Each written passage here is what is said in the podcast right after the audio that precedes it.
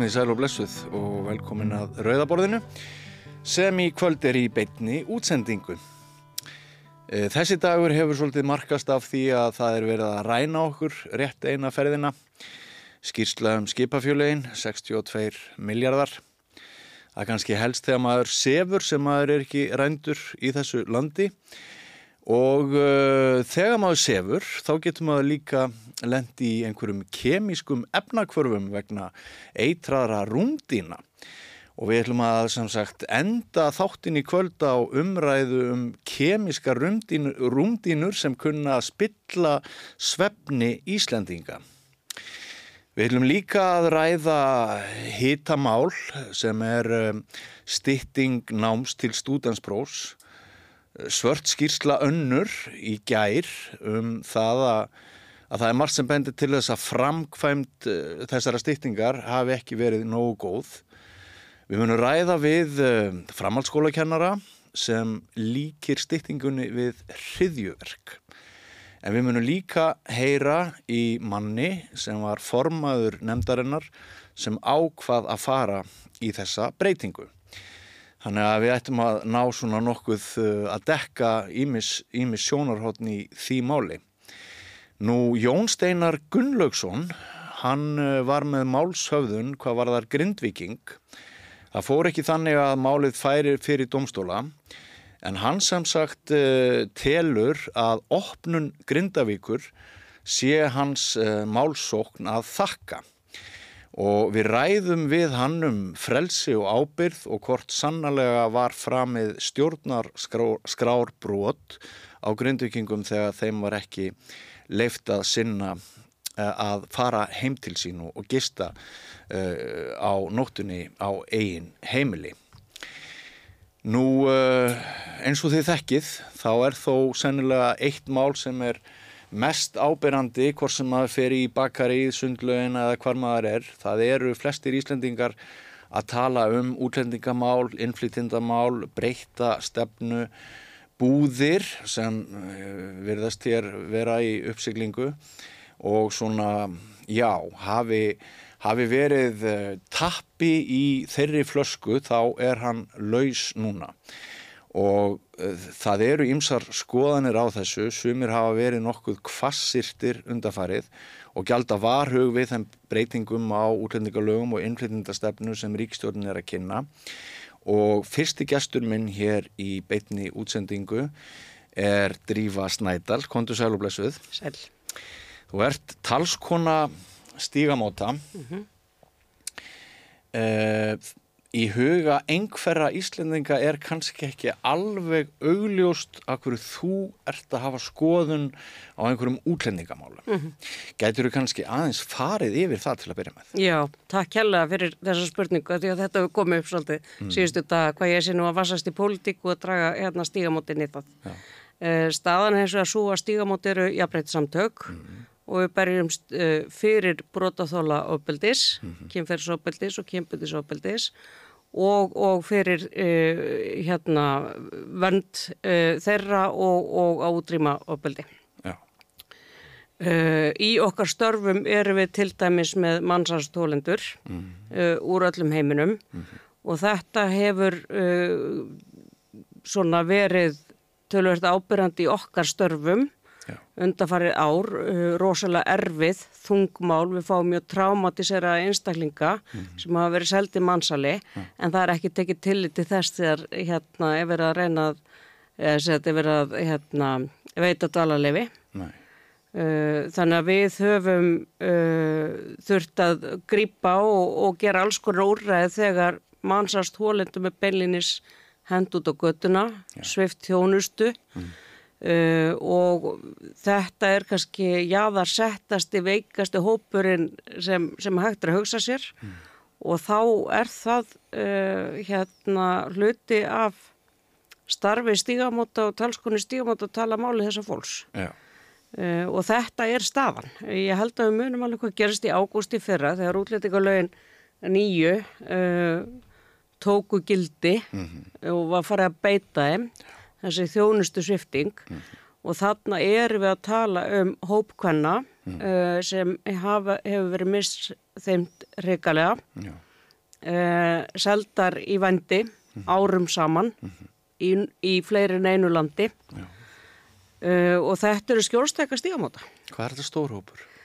Ég get nú ekki sagt til um það. Það eru, það eru nokkri skjólstækka stígamóta, brotastóla, við vitum um fleiri Já. sem hafa ekki verið hjá stígamótum. Uh, það er líka þannig að þegar þú ert í svona óvissu, þú ert ekki með húsna, þú ert ekki með öryggi, þá er rosalega erfitt að fara að vinna úr einhverju tráma. Já. En það sem við höfum orðið áskinja, fyrsta lagi þá eru hérna, er ekki verið að taka tillit til þessu ofbeldi sem hefur verið beitt, aðlega gort konum en líka gorlum. Já. Uh, það er ekki þekking á tráma, Nei. uh, það er ekki skilningur á því að mannsastólendur eru yfirlegt og fölsuðu skilríkjum. Mm. Uh, þannig að það, það er svona þeirra ástand er notað gegn þeim Já. uh, og þess vegna seti ég þessi alls konar stígamóta og hef bara alls konar skoðanir og útlendingamálum. Já, og við erum að tala um að bóðaðar breytingar þrengi mjög eða bara loki hliðum. Já, sko, eh, svona hópur sem hefur verið hjá stígamótum hefur verið þjónustusviftur og fengi nei og er hérna í ólegulegur töl en fólki getur ekki farin eitt.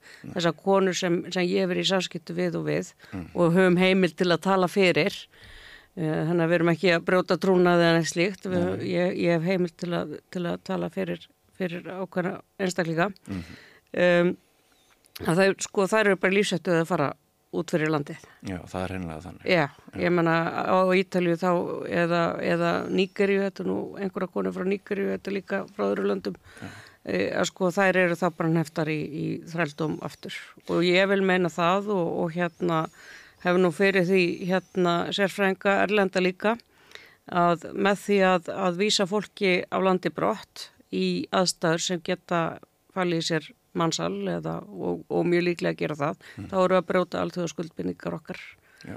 í þessu málum. Þannig að ég skil ekki okkur að það er ekki hægt sko að taka tillit til þessa og, og, og þetta er líka svona fyrsta fólki vantalega sem eru tekið inn í þessar varðartsbúðir Já. sem eru í borðinu hjá dósmálröðara. Já, við skulum ræða þar bara sérstaklega aðeins. Þú, er þetta þitt eigið orð, varðhaldsbúðir? Uh, nei, sko þetta er í reyni bein þýðing á detention center uh, sem eru svona þessar, þessar búðir. Og dómsmálraður á notan reyndar þetta detention center sjálf í, í vitalegi í Kastljósi. En þýtti það ekki yfir á íslensku? Nei, hún, hérna þetta, hún þýðir þetta sem mildara sem er hérna búsettu úrræði. Já, sem er einhvers konar merkingalös orðaleppi. Já, en þetta eru varðhaldsbúðir, uh, samkvæmt þessu frumvarfi sem var hérna í samræðskátt að þá er bara verið að, þá er þetta fangaverðir sem hafa valdbendinga heimildir. Já. Uh, þetta er uh, hérna lokaðar búðir, uh, þannig að þetta er, þetta er bara varðhaldsbúðir uh, fyrir fólk sem eru ekki framin eitt glæpa. Já. Þessi hópur sem þú varst að vitna til áðan, eru þetta konur sem hafa verið hér misserum saman? eða? Já, ég veit um uh, konur sem hafa verið hér árum saman. Já. Frá ekkit annað heitara heldur en að vinna fyrir sér og byggja lífi hérna. Nei, sko maður finnur það á umræðinni að uh, þeim er svolítið að vaksa þróttur sem virðast svolítið að hafa haldið niður í sér andanum. Uh, þá er ég bara að tala um rasísk viðhorf. Ég ætla bara að orða það þannig á mannamáli. Að það er svona, ég heyri það bara hva- hvað sem maður fer núna að fólk sem að hefur áður svona verið hljótt og fylst með því er að, að, að vaksa ásmegin í útlendinga anduð, ég held við getum bara að kalla það það, alveg burt sér frá verkum ríkstjórnarinnar. Er þetta eitthvað sem að sko er bæði kannski kynbundið eins og þú lítur á þetta og landlegt í íslenskri þjóðarsál ennþá? Við erum náttúrulega með þessi, sko, það er ekkit rosalega langt síðan ástandið var hér. Ekki svona miða við það að- ég er að vera 60 og mér líður bara eins og lífið hafi hafist fyrir ör skömmu. Mannsæfi hún líður hratt, 60 ár líðar hratt. Og, og, og svo erum við með hérna dæmis eh, þegar bandariska varnaliðið kemur þá er klásúla um það að, að, að það með ekki koma litaðir hermenn. Við höfum alltaf ímislegt á samvinskuðinni í sögunni. Já, og þessi skref sem nú er verið að leggja til, þau verða enn einn samvinsku blettur þegar frálýður hjá það. okkur. Þetta verður sett í svona sama, uh, sama mengi og þegar við vildum ekki fá litaði menn frá hérna, eða þegar við hérna neittum hérna geðingum um, um dvalarlefi við uppgang uh, nazismans. Þú staða við það? Ég, ég dreg þetta svona jöfnu, þetta er uh, það ómanúlegasta sem við getum gert, það er að henda fólki út í sko aðstæður sem eru beinleis lífshættulegar og það er vitað. En þá myndi einhver sem væri ekki á þínum áli segja, en þeir eru að gera þetta í Danmörku? Já, ég veit það og það, ég, ég myndi aldrei kvitta undir útlendingastemna sem Danmark er rekka eða Bretland sem er að fara að móka fólki til Rúanda, hvort það er þaðan eða ekki. Þetta er ekki samanbyrður sem þú vilt sjá vitna til. Þetta er ekki, þetta er ekki hérna stefna sem við um elda, þetta er ekki mannulegt. Og sko, það er, uh, ég held um öll orðið áskinni að svona síðustu daga, vikur og jafnvel mánuði að það er eitthvað hliðrun í umræðinni. Mm. Um leið og sko, hérna, þau sem fara með völd í þessu samfélagi, mm. fara að tala inn í útlendinganduð, mm. þá bara einhvern veginn er fjandi laus. Já. Og ég held að Íslandingar sé ekkit endilega, ég held að engi sé rasisti í grunninn. Mm. Ég held að það sé hins vegar mjög auðvelt að ala á óta, uh, tefla hópum saman, búa til hérna hræðslu við þið óþekta, búa til hræðslu við útlendinga og ja. það er líka eitthvað sem maður sér að vaksa núna. Við líkjum náttúrulega. Það er bara að koma einhverja fréttir af einhverju hérna, hérna hópnöðgun í Ítalju mm -hmm. sem er fram en útlendingum Já. og ekki minnst á allar hérna nöðgari. Ég hef verið spurðað því uh, hvort að það hefur vaksið hérna ofbeldi, hvort það sé að koma fleiri skjólstængar til stígamanda núna uh, sem hefur verið brotið á af útlendingum. Emmitt. Og ég segi ekki staðfist að það er ekki. Nei skilji, að það er eitthvað svona, það er eitthvað hugmynd um að það sé bara, Já. hér sé gangandi löst einhverju villimenn sem að hérna, sem eru hérna meiri villimenn heldur en Einmitt. aðrir og gengur að gerast. Einsleit sem við höfum verið og einangruð á eigu lengst norður í Ballarhafi, þá er svo sem kannski ekki skrítið að í huga sumra Íslendinga sé eitthvað að ótast hver, hver er leiðin svona, finnst þér til þess að ávarpa e, þá sem eru fullir af fordómum og mm. óta og líta ekki á þetta sem okkar fólk, ekki sem okkar skuldbindingar þú hefur sjálf sagt að mörkin sé að færast til mm -hmm. í mhm. umræðinni og við sjáum að það er, það er mjög algengt síðustu daga að það eru okkar innviðir, okkar fólk mm við getum bara ekki bjargað heiminum, við verðum bara að loka, við ætlum bara að taka kvotaflótamenn. Mm. Hvert er sko, hvert er svarið? Uh, Fyrstulega þurfa valdhafar að segja sagt og rétt frá. Sem þeir ger ekki? Fara rétt með. Sem þeir ger ekki? Eða hvað? Sko þegar við erum að tala um að innviðinni séu sprungnir mm -hmm. Og að það séu út af flótafólki og hælisleitundum, mm. þá er það ekki rétt. Nei. Þeir eru sprungnir af því að við erum búin að móka hér einn túristum. Já í, í sko miljónavís og sinnum viðhaldi bara lít og sinnum viðhaldi lít ja. og síðan var tekin svona ákvörnum að heimila öllum frá Venezuela og Úkrænu að koma hérna á einhverju sérstökur leifum óhæð aðstæðum þeirra Það er á vakt sjálfstæðisflokksinn sem núna lætur eins og það gera Já, þetta hafi gerst eitthvað neina sjálfur sér Já. og það sé ræðilegt Já Uh, sko þetta er þessi megin stef okkur innviður sprungnir, það er ekki endilega fjöldi hælisleit þetta nema þá þessi fjöldi sem hefur verið beinlýnis kvartur mm -hmm. til að kominga til Íslands. Mm -hmm. uh, hvort, sem, hvort sem var, hvað maður að segja hvort sem neyðin var mikilega ekki. Mm -hmm. uh, en, en það er verið að nota gegn sko palestísku flótamennu núna að innviðinni séu sprunginir. Og þetta, þetta fyrst mér ómerkilegt og ekki, ekki verið að segja satt og rétt frá, eða sangjant skulum við segja. Um, síðan er bara aðstæður í heiminum. Það er þjóðamorð í gangi. Mm -hmm. og við fylgjast með því beint útsettingu mm. uh, og það þýðir fleiri fólk að flóta mm -hmm. og við skulum líka reyfja það upp hvað Ísland dró lappirnar í því að fordama þetta þjóðamorð já, já það er alltaf rosalegt sko ja. uh, og hérna uh, þannig að þú veist það eru aðstæður í heiminum sem er að skapast og meðan sko fólk er að fjölga á flotta í heiminum og við skulum hafa í huga það er miklu fleiri á flotta innan eigin landamæra heldur en á millilanda Já. þannig að þú veist fólk sem er að flotta á millilanda er, er sko þreyðjungur af fólki á flott í heiminum mm -hmm.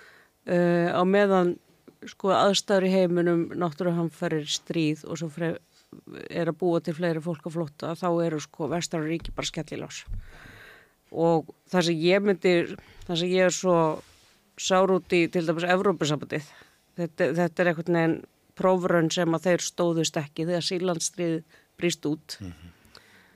uh, að þá hefði uh, ef hlutinni væru eðlegir þá hefði alþjóða samfélagið átt að taka sér saman og segja bara þá taka allir á móti svo og svo mörgum í hlutvalli við þjóðina. En það lendi bara svolítið Nú, á aukslunum á Angelu Merkel. Já, og Svíþjóð Já, og, og þú veist, það voru komið upp hérna landamærum á milli Danmörkur og Svíþjóðar, skilur við, sem var rosalegt. Um, þannig að það er einhvern veginn, alþjóðarsamfélagi bara brást algjörlega þar. Já. Það sama er veintalega að gerast núna, mm -hmm. við erum með Úkrænu, við erum með hérna, Palestínu, stríðun í Sílandi er ekki lókið. Um, þannig að, sko alþjóðar samfélagið er alltaf að breyðast. Já. En ef að það myndi standa sig þegar neyð ríkir, þá hérna, þá varum við ekki í þessari stöðu. En þú sér sko fylgið miðflokksins núna blása upp. Uh, þú sérð flokk fólksins uh, svona heldur vera að, að fitna og þú heyrir hvernig, hvernig umræðan er þar það virðist vera eftirspurn eftir þessari anduð þarna úti mm. má ekki álíkta það Jú, sko, þetta hefur náttúrulega alltaf verið svolítið ódýrt hjá stjórnmálum að alla óta og afla atkvæða mm. og sitja við völd. Og alla óta og halda þannig í völdin veist, þetta er bara ersta drikki í bókinu sko. og það er bara, hérna, það er ekki það sem stjórnmálum er að gera En, en mér finnst að stjórnmálumenn þyrtu, og ég laði það nú til í pisli á Facebook, eh, tala við fólk sem er í þessari stöðu. Já. Að því að leiðu og talar við mannsastólendur og brotaþóla og traumatisera fólk, mm -hmm. að þá er rosalega erfitt að vera hlind í að búa til varðhalsbúðir til þess að móka hérna uh, brotaþólum vandismannsals inn í þær búðir. Ég menna, ég, ég bara skil ekki að nokkuð mannskjafa skulle vilja það stjórnvöld guma af því hvað þetta sé þaul unnið verkefni og hafa tekið langan tíma, eitt og hálft ár mm -hmm. það er eitt af fyrsta sem maður les frá þenn þegar málið er kynnt var ekkert, ekkert tala við þennan hóp sem þú nefnir? Nei, ekki mjög veitalega við hérna, byggum til hérna, samrás, við vorum eitthvað 23 samtök sem byggum til samrásvettvang mm. hérna í ágúst mm. þegar þessi neyðir orðin ljós Já Uh, og það var reynda bara Guðmundur Eiki fjálsmálraður sem mætti á þann fund en ekki aðri ráþurar og erfáðu þingmenn um, hérna en það var hérna stjórnmálumenn voru eitthvað ósattir við sko hérna formið á fundinum og hverjir stóðu að og eitthvað svona voru eiginlega brjálaður yfir eða svona ósattir við formið heldur en stöðu fólksins sem var verið að ræða sem var svolítið skritið um en hérna, nei það hefur ekki verið, ekki verið mikið samtal, ég veit að það er reynda samtal við Rauðakrossin, Rauðakrossin reyndar háði því að vera í samstarfi við stjórnvöld á hverjum tíma. Eh, en það er hægt að sjá þarna frumvarpum og það, það er rétt, þetta er rosalega vel unni frumvarp, það er búið að hérna, það er búið að hugsa fyrir öllu hvernig að menta fangaverðina til, til þess að hérna, hérna valdbeita eh, fólki sem eru enga glæp framið nefn að finna betra líf og svo framvegst þannig að þetta er svona uh, þetta er þygt frumvarp. Um, en hérna já, nú veist ég að já, en, en maður sér þetta frumvarpin samræðskottir og sér sko hverju að gera aðtóðasemtir og þá eru að tala um Rauðakrossin, við erum að tala um mannreittið Barnaheil, UNICEF skilur, þegar sko öll stærstu helstu mannreittið samtök landsins eru með alvarlega rættuarsendur og segja þetta jafnvel broti bá við stjórnarskrá mm. þá held ég að veri rétt að doka við og lusta það mm -hmm. Svo líka annað að það er sko margir að tönglast á einhverjum átjón miljörðum sem var einhver tala sem að sem að mörgum hefur fundist þægilegt. Ég held hún þægilega vittni ég held hún komið fyrst fram hjá Guðrunu Hafsteins, frekarni Jóni Gunnars. Og þá eru verið að tala um einhvert kostnað af þessu kerfi og það sem heldur betur hægt að gera margt fyrir þess að 18 miljardar en alveg bursið frá því hvort menn eru nú að hræra saman eplum og appilsínum undir þeim hattið ekki þá hefur maður bara ekki mjög mikið heyrt um allan virðisaukan sem er af þessum nýju gestum mm -hmm. sem þó hafa ef við tökum bara þann hóp í víðri mynd sem að hefur öðlast ríksborgara rétt og, og sem er að vinna hér uh, síðustu ára tugi okkar velferð er nú bara meir og minna, hún byggist meir og minna á öllu þessu, öllum þessum nýju höndum og fótum sem eru komið til landsins. Og, og, og sko það, það er bara, ef við, ef við lítum á þetta sem bókald, debit og kredit þá er bara mjög mikið tala bara um annan dálkin eða upplifir þú það ekki líka svolítið þannig? Jú, jú, nú er ég að renn reyfi upp þessa statistík sem ég kunni mjög vel þegar ég var í verkefælsefingunni sko, hvort að hérna uh, hvort að innflytjandi séu sko 20% af þessu búið hérna 25% af vinnumarkaðanum eitthvað svona, þú veist þetta, það er fleiri það er herra hlutfall á vinnumarkaðanum heldur en búa hérna. Já. þannig að þetta eru sko vinnandi hendur sem eru að koma hérna og leggja hendur á Vinnastörfin sem við höfum síður verið fúst til að vinna. Já, já, já, já, svo, svo fannst mér alltaf skjóta skökku við þegar hérna var að oska eftir sko velmentuð fólkinga til Íslands. Já. en það er mjög velmenta fólk sem er að vinna lólun og störf hérna á Íslandi Já, nú leggja stjórnum mikla áherslu á það einmitt í kynningu á þessu máli að, að mentun þeirra sem koma til landsins verði metina betur að verleika mm. Já mm sem, sem ég finnst mjög gott Já. af því að það hefur verið ekki þess að hella fólk hefur komið hérna uh, með sína mestara gráður og Já. það hefur ekki verið með þessi skildi Þá spyr maður, er það ekki líka rasismi? Uh, nei, það finnst mér sko, það finnst mér enda að vera að gefa fólki tækifæri þess að nýta sko, sína mentun Ég menna, ef við höfum alltaf uh, skipað þessum nýju gestum mm -hmm. eins neðalega, Já. eins og hægt er að gera er það ekki rasismi? Jú, ég myndi, ég myndi halda það, já Við verðum að þess að tala um Vafgi. Mm -hmm. Hvaða trúnaðastörum gengdir þú fyrir Vafgi fyrir einhverjum árum? uh, ég tók þátt í að stopna Vafgi. Ég satt í stjórn Vafgi. Uh, var, uh, var að þingona kjörstjafnbilið 2003 til nei, 99 til 2003 held ég. Æ, ég mandi ekki. Allan, einhvern tíman.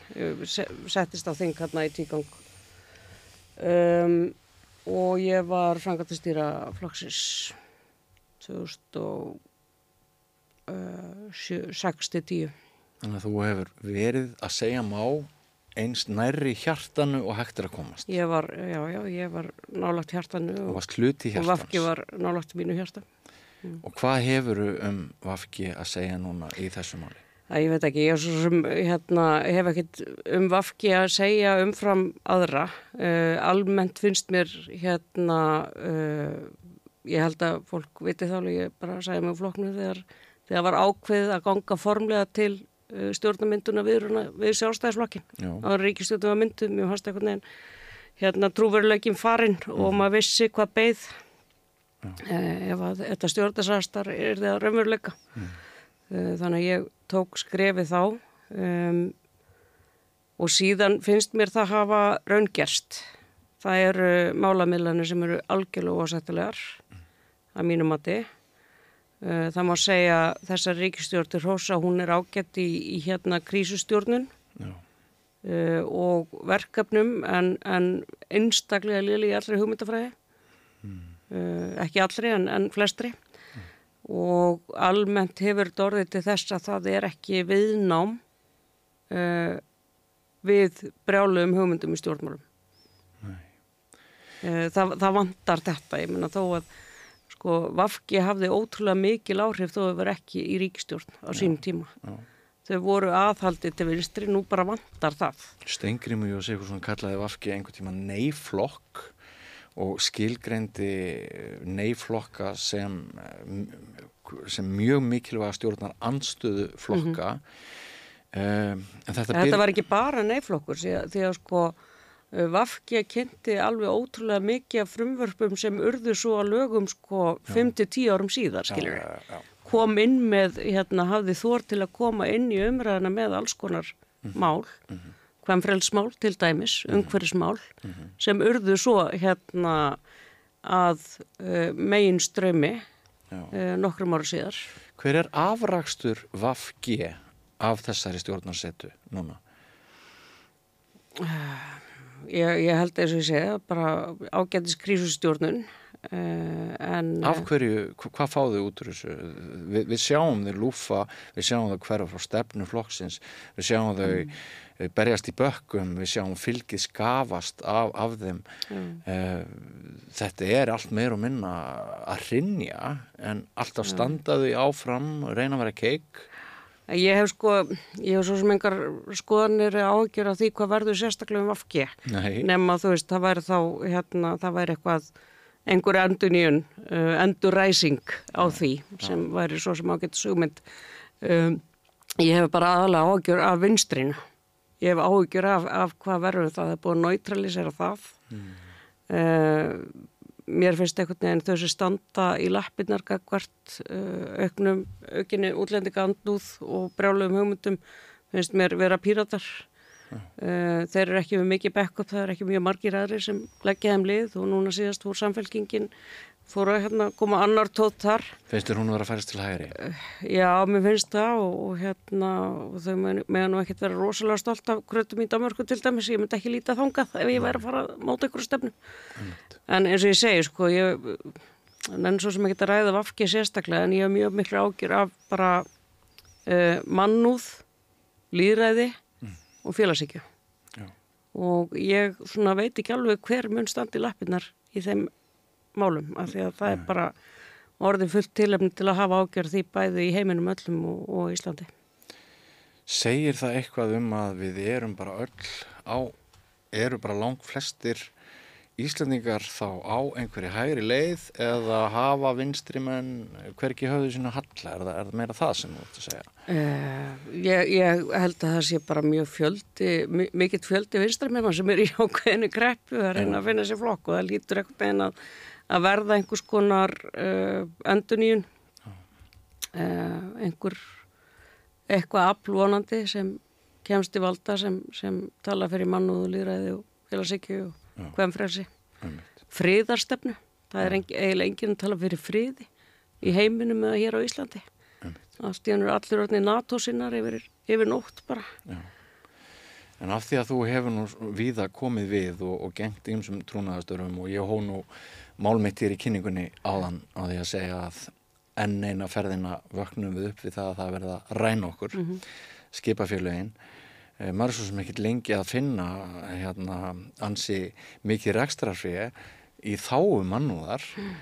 þegar hérna maður horfir til þess hvernig um, viðskiptalífið hér á landi virðist bara meir og minna vera snuð okkur mm -hmm.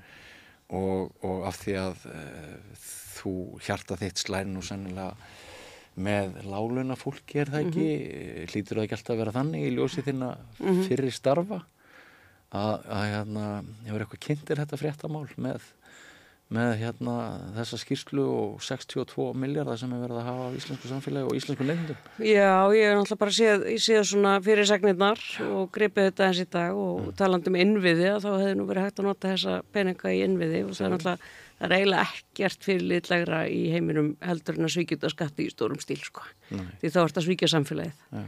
og þú ert að svíkja sko hérna fjölskyldufólk og lálurufólk og fólki hérna sem vant að þakka við höfuðið og, og öll þessi félagslu úrræði sem við erum með það verður að svíkja þau. og smyrja á miklu herri flutninskostnaði heldur en er siðlegt eða löglegt á matföru sem er að fara í herin og fátöka íslenska emili Já, já, það er náttúrulega sko verða matur til dæmis skiptir svo rosalega máli fyrir fólk sem er með læri tekjur. En það er svo hátt hlutfall af útgjöldum sem fari í maturur og aðra vörur. Mm.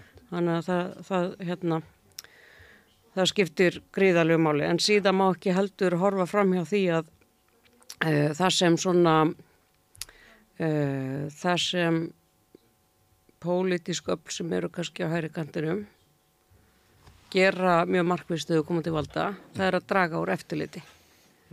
Eh, og, og hérna ég veit að samkjöfnstofnun hefur verið þyrtir í augu hérna já, já. margra eh, gegnum tíðina, skatta eftirliti sömu leiðis eh, efnahansbrota deilt og, og hérna ríkisendurskoðun og svo framvegs, jafnvel umbúsmaður alþingis skilur það er hérna, það er, það er pólitísk ákvörn að draga úr vægi svona mm uh, fjársvelta svona stopnanir á sama tíma sem eiga samt að hafa eftirlit með þessu já og sama tíma og, og þessi risamál er alltaf að reka fyrir okkur Já. þegar sannlega veitir nú ekki af aðhaldinu og eftirlitinu. Og þetta nánast orðið svona suð í eirónum. Þetta nánast suð í já. eyrunum, En uh, Drífa, uh, það búið að vera mjög fróðlegt og áhugavert að fá því heimsókn.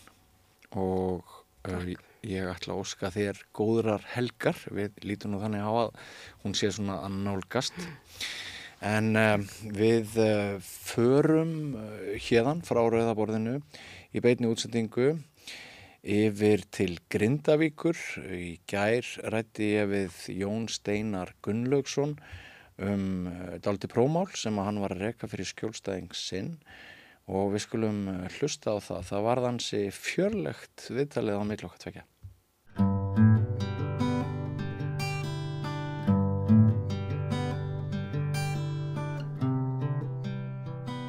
Það er mikið rætt um Grindavík, um, hvort rétt er að hafa bæinn opinn. Ími uh, sjónarmið sem að hafa komið fram. Uh, við höfum fylst með uh, framgangi máls sem Stefan Kristjánsson íbúi í Grindavík fekk Jón Steinar Gunnlaugsson til þess að fara með fyrir sína hönd og það þarf í rauninni ekki að fara lengur fyrir domstóla þar sem að uh, Grindavík hefur aftur verið opnuð.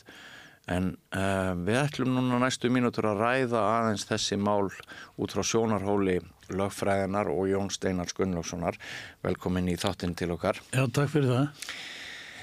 Ef við byrjum uh, á uh, svona þeim uh, mála vöxtum að Stefán taldi sig sem sagt eiga rétt á að fara heim til sín eftir að hafi verið lokað.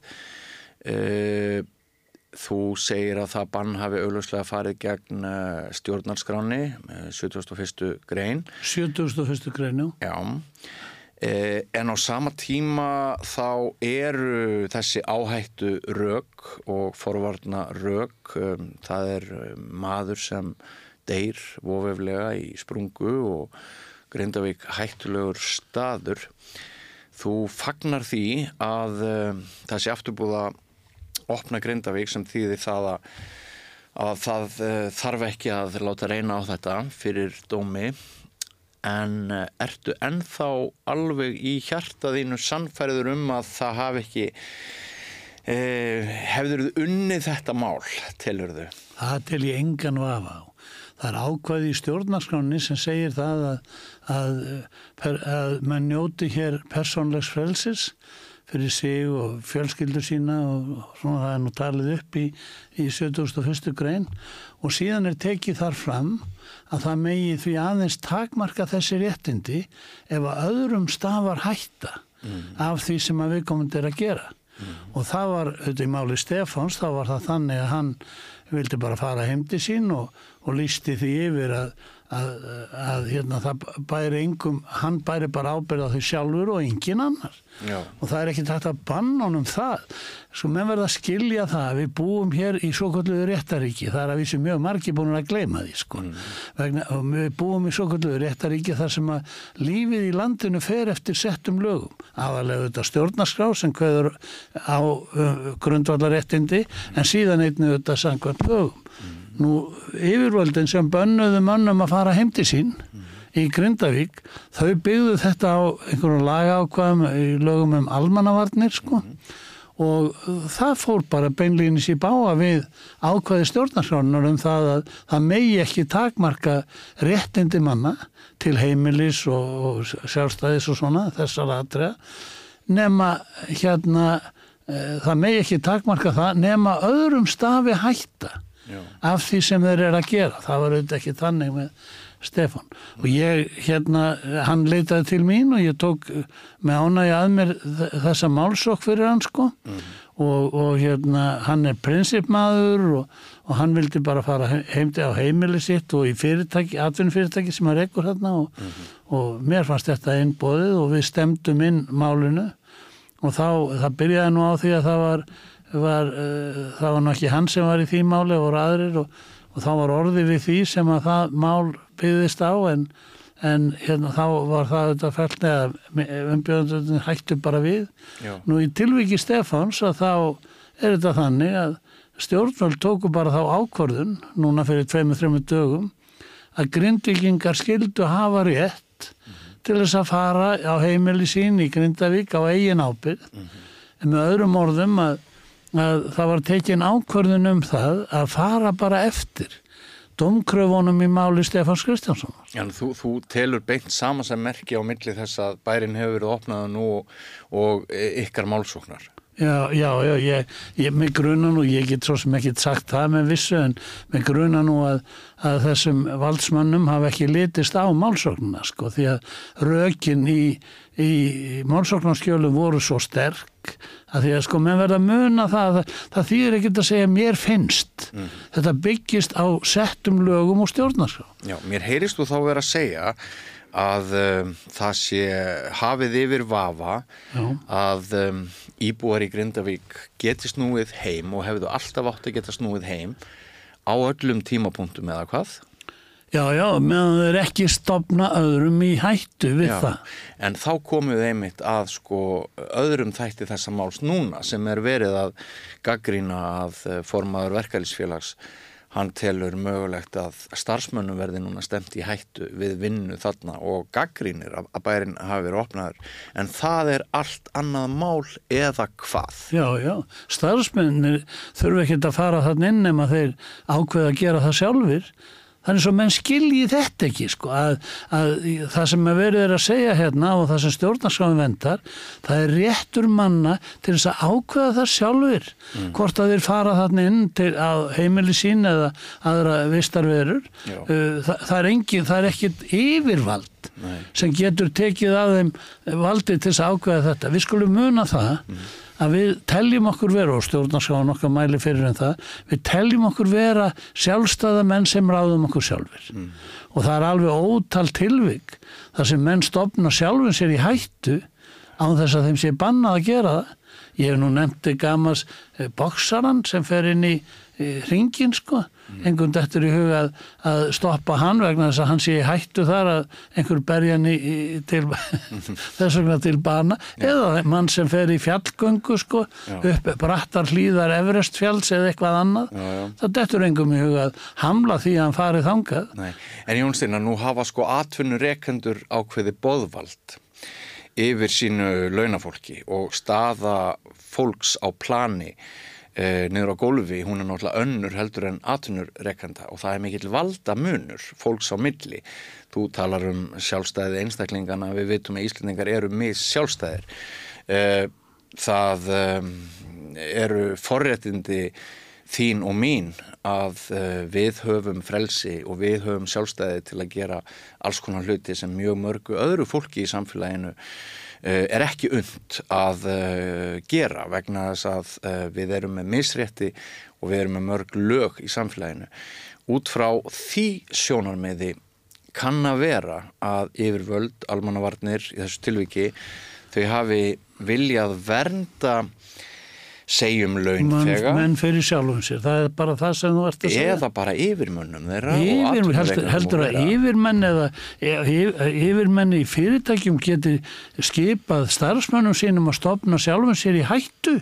Hvaðan kom sá rétt heldur það sé ekki gert á hverjum degi beint hérna leint ef að það er gert á það, þann hátt auðvitað, eh, sko getur ímislegt gest en ef að það er gert á þann hátt sem við erum að tala um hérna mm. þá þurfa eh, hérna starfsmenn ekkert að hlýta því heldur að, að vinnuveitandur geti stemt uh, uh, beint starfsmönnum í einhverja hættustöðu þar sem að stafar hætta lífið þeirra. Ég held að valda... Menn verða að skilja það að menn ráða sér sjálfur á Ísland, annars Já. er nú illa komið. Ég held samt Þeir... að valda munur fólksins á gólfinu og atvinnureikanda þeirra sé að jafna þið tölvert mikil. Þannig að atvinnureikandi geti sagt manni að ganga í döðan. Er það meiningin? Ekki með beinum hættin í dauðan, ég er ekki að tala um það. Nei, óbeinum hætti eða hvað? Ég er að tala um það að... Verð ekki verið að venda menn kemst því að... Ef þú hlustar á, á, á, á talsmann þessa verkalýsfélags... Verkalýsfélag, guðminn álmáttur erum við nú komnir í þá stöðu að verkalýsfóringjar eigi að ráða frelsi manna í landinu bara... Ega verkalýsfóringar ekki að hafa rödd í þessu lönd? Þeir mig að segja það sem þið vilja, en það ber engum skilda til þess að stopna lífi sín í hættu vegna þess að verkalýsfóringar segja þeim að gera það. Men verða að skilja þetta. Við erum með frjálst ríki þar sem borgararnir í landinu ráða sér sjálfur. Sumir. Nema ef þeir valda öðrum hættu. Sumir. Já, rá, sumir. Við ráðum okkur ekki öll sjálf. Við ráðum og ef við viljum gera það þá gerum við það. Þú trúir því?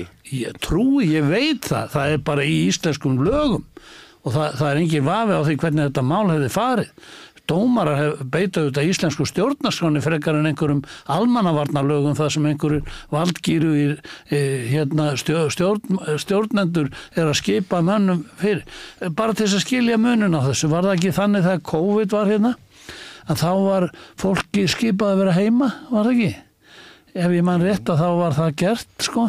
Akkur var það? Akkur, akkur helgaðist það? Ég held að það hafi út af fyrir sér staðist. Mm. Það er vegna þess að það er smittætta af þeim sem eru uh, smittaður af COVID-verunni, sko. Og þess vegna stopnaður öðrum í hættu Já. með því að fara út af heimilum sínum. Það er enda daldið daldið hérna, ég veit ekki hvort það var að vera að fyndi eða það er daldið svona trist að þá var mannum bannað að fara út af heimilum sínum en nú er þeim bannað að fara á heimilu sín sko. Mm. Bara, það er eins og margir og þar á meðal þú með spurninguðinu, ég er nú ekki að segja að þú hafið endilega þá skoðum sjálfur, það er eins og margir lítið svo á að ríkið sé eins og eitthvað félag og ríkistjórnin og þeir sem stjórna þessu félagi hafi vald til þess að taka ákvarðanir sem öll, binda alla aðra. Þetta er algjör miskilningur. Mm. Ríkið er ekkit félag. Ríkið samanstendur af frjálsum borgurum sem mynda er búa ákveðnu landsvæði og mynda þess vegna þjóð. Mm. Við erum með þær grundvallarreglur að þeir sem mynda þessa þjóð, þeir ráði sér sjálfur svo lengi sem þeir valdi ekki öðrum háska. Mm. Og, og þannig er það og þannig verður það að vera því að ef það er ekki þannig, þá eru við orðnir hérna bara eins og einhverjir ófrjálsir þrælar. Mm. Einhverja sem segjast að ráða yfir okkur hvort sem það eru stjórnvöld eða vinnuveitendur sem þú ert að nefna eða verkalisefingin, guðminn almáttuður sérstakar kringumstæður kalla á sérstaka hegðun. Uh, það þarf ekki annað en að, uh, að því þú varst að tala um COVID, að við munum áhersluna sem lög var á það að við myndum öll ganga í takt og frelsi einstaklinga er náttúrulega skert, uh, óhjákvæmilega, þegar vá stæðjar að. Þetta er alltaf svolítið flókinn dans, er það ekki með mikilvæga forræðisíkju uh, sem er þá ætlað að vernda borgarana. Fyrir sjálfum sér sko. Já, það er það sem þú vart að segja en, en, en mér heyrðist þú segja á þann sko að þú lítir þannig á sem uh, til dæmis uh, á þau hjá almannavörðunum þau hefðu tekið sér vald sem þau hafa ekki langt umfram uh, það sem þau hafa og, og þá umfram aðstæður. Já, já byggja, þau byggja eh, hérna, þessar ákvarðanir sína á, það reyndar eh, held ég ríkis saksóknari sem að fekk svo það val, byggja þessar ákvarðanir sína á ákvarðum laga um alm, almanna uh, hérna hættu mm. og, og hérna þau laga ákvarði standast ekki að mínum mati að öðru leiti en því að það má gera þetta til þess að venda aðra en það er ekki hægt að taka vald af íslenskum borgurum með tilvísundu þessara laga. Þegar þú ert að tala um að það skapist hætta uh, og þess vegna sé það réttleitanlegt að banna mannum að fara þarna, þá ert þú að tala um það að menn það þurfu að venda með bóðvaldi eh, hérna ákvörnavald borgarna sjálfra að þeir séu hættir að ráða sér sjálfur ég bara hafna þessu og þetta er í andstöðu við ákvöðu stjórnarskálunar og það þýðir ekkit að segja það er hætta og þess vegna er heimilt að takmarka frelsi manna. Uh, Oflangt seilst í ljósi þess að að hætta sé uh, stæði að, að, að, að oflangt hafi verið seilst í því að að beita bóðvaldi að skjara frelsi. Hvernig þjóðfélagi byrð þú Björnminn? Sko? Byrð þú í þjóðfélagi þræla? Þar sem er einhver yfirvöld sem geta sagt þér hvað þú mátt gera og hvað þú mátt ekki gera. Ekki vegna þess að það stafi einhver hætta af þér gagvart öðrum, heldur vegna þess að þú setja sjálfan því í hættu og ég segi bara nei, þetta er í andstöðu við Íslensk grundvallarlög að menn ráði sér bara sjálfur, þeir meiga hins vegar ekki stopna öðrum í hættu. Og það er kannski þar sem að menn rugglast í rýmin, ég veit það ekki. En það er allavega þannig að, að, hérna, að ég hef aldrei haldið því fram að menn megi stopna öðrum í hættu með háttsemi sinni en hins vegar megaði stopna sjálfur sér í hættu. Mm -hmm. Og menn gera það, menn fremja sjálfsmorð og gera allan fjandan mm -hmm. stopna, fara í hættulegar fjallaferðir eða gera aðra hluti sem, og það dettur engum í huga það sé hægt að banna um það sko Hvað áttu við þegar þú staðhefir að það sé of algengt að um, Íslandingar, íslenskir ríkisborgarar láti yfir sig ganga órétt yfirvalda á þess að uh, leita réttarsins? Já, ég hef bara við það, ég hef orfið á það, sko. Það er eins og margir telji bara ef að handafa ríkisvalds, taki einhverjar ákvarðanir sem skerða frelsi manna að þá standist það bara það er eins og er haldið eins og ég sagði á þann að þetta sé eitthvað félag mm. og það sem félagstjórnin ákveði það hvað menn með að gera og hvað menn með ekki gera ég held að þessi hugsunarháttur sé mjög ríkur hjá mörgum Íslandingum mm. að beigja sig fyrir valdin mm. og ég er að tala um það að menn, menn þurfa stundum að gera það sko ef það er einhver málefnislega rauk sem mæla með því og það stendst gagvart grunnlögum okkar stjórnarsanni mm. en ég segi það að það er ekki heimilt að skerða frelsi manna eins og hefur var gert sko, þó að það sé búið að afletta því núna, að skerða frelsi manna til þess að þeir valdi ekki sjálfum sér hættu eða skada. Nei. Það er bara ekki heimilt að Nei. gera það. Nei. Eh, hvaða dæmi utan tilviksins með Grindavík og náttúruhanfæriðnar á Reykjanesi getur nefnt um það að Íslandingar láti yfir sig órétt ganga á þess að Æ, ég er nú ekki með á hraðbergi dæmi um það, þetta er gott dæmi um það. Þarna, það er nú ekki, sem betur fyrir ekki algengt að, að, hérna, að yfirvöld banni mönnum einhverjar einhverja háttsemi á þeim, þeirri fórsöndu að þeir sé að stopna sjálfum sér í háska. Ef að það er gert að þá stennst það ekki sko. það er vegna þess og enn og aftur verði ég að segja það það er beint ákvæði í íslensku stjórnarsonni sem gengur fram að þessum lögum um almannavarnir og allt það sem hveður á um það að það megi ekki skerða þetta einstaklingsfrelsi nema að menn sem að nýta það stopni öðrum í hættu ekki sjálf sjálfu sér sko. mm -hmm. Hvað hérna uh, er Stefán aftur fluttur inn? Ég hef nú ekki dalega eftirlit með Stefáni, hann er nú reyndar aðdánaverður maður að mínu mati því að hann, hann er sjálfstæður íslendingur sko og vil fá að ráða sér sjálfur Já. þó að hann eh, óski ekki eftir að stafna öðrum í hættu Já. og hann er, ég held að hann hafi sagt það í fjölmjölum hann hafi til dæmis síðustu nótt eh, sofið í húsinu sínu og, og hann er með atvinni fyrirtæki þarna og hann eh, fiskverkun held ég að það sé og hann hérna hegst, ég veit ekki hvort hann er byrjaðar á því en hann hegst stunda starfsemi þar og, og, og hérna og þá mega hans hérna launþegar eða þeir sem vinna hjá honum mm. taka þátt í því með honum ef þeir vilja það sjálfur hann þvingar engan til þess sko Nei, en við verðum kannski ekki aldrei alveg sammála um það sko að hver miklu leiti eh, borgarar hvorki þessu landinni og öðrum hafa til þess að ráða sínum ráðum. Jú, jú, við verðum alveg, ég þarf bara aðeins að fá að tala lengur við þið sko. Þetta er svo augljóst, sko, alveg hreint. Það, það er til þess að beita fólk valdi.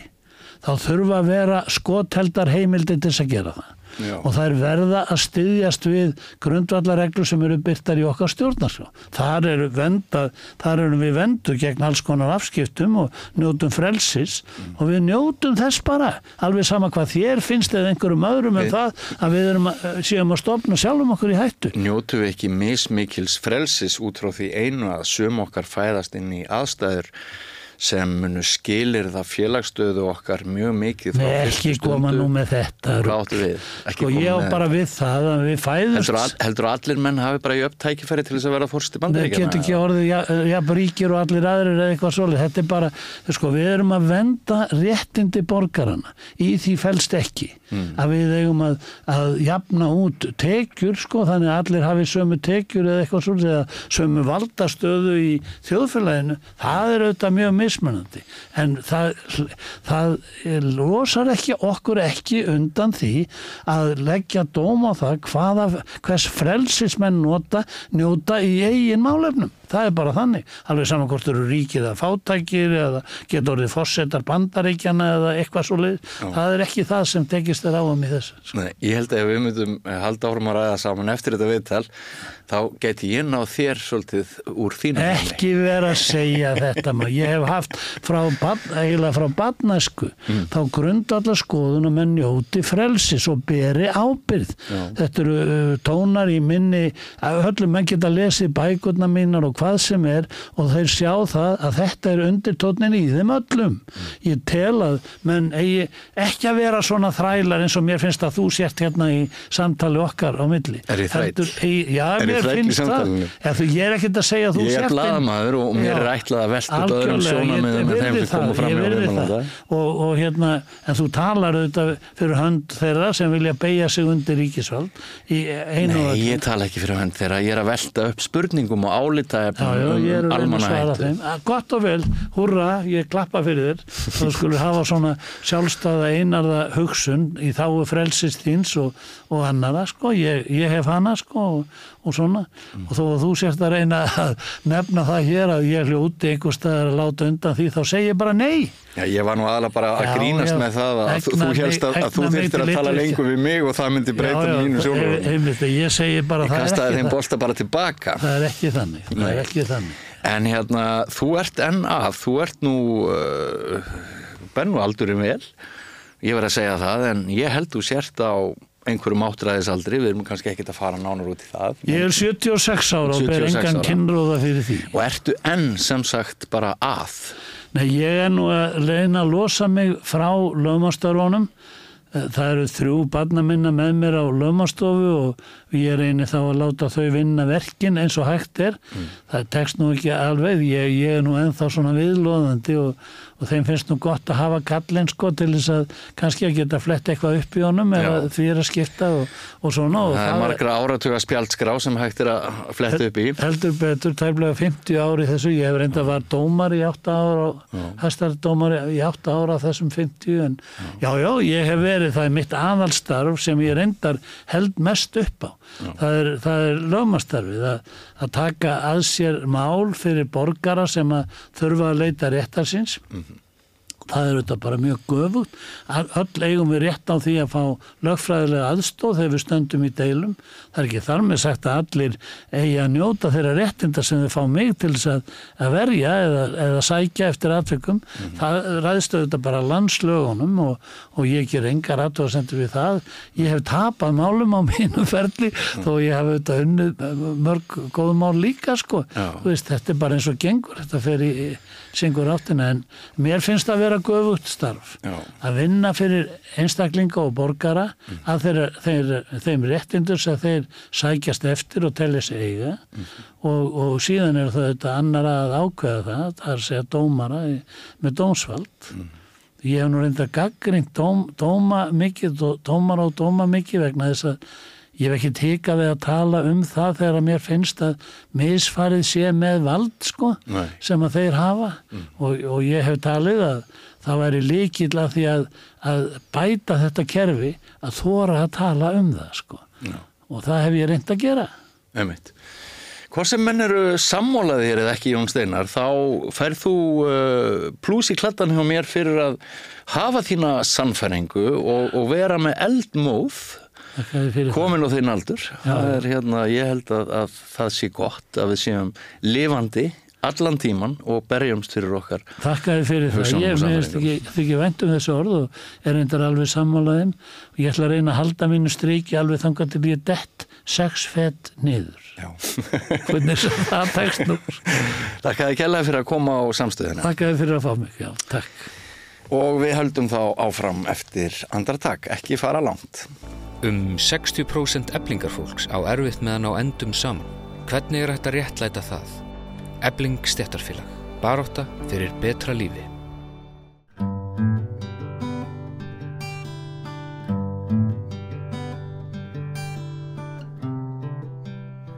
Samkvæmt nýri rannsókn við Háskóla Íslands hefur stytting náms til stúdensprós ekki haft góð áhrif á framgang nefnda.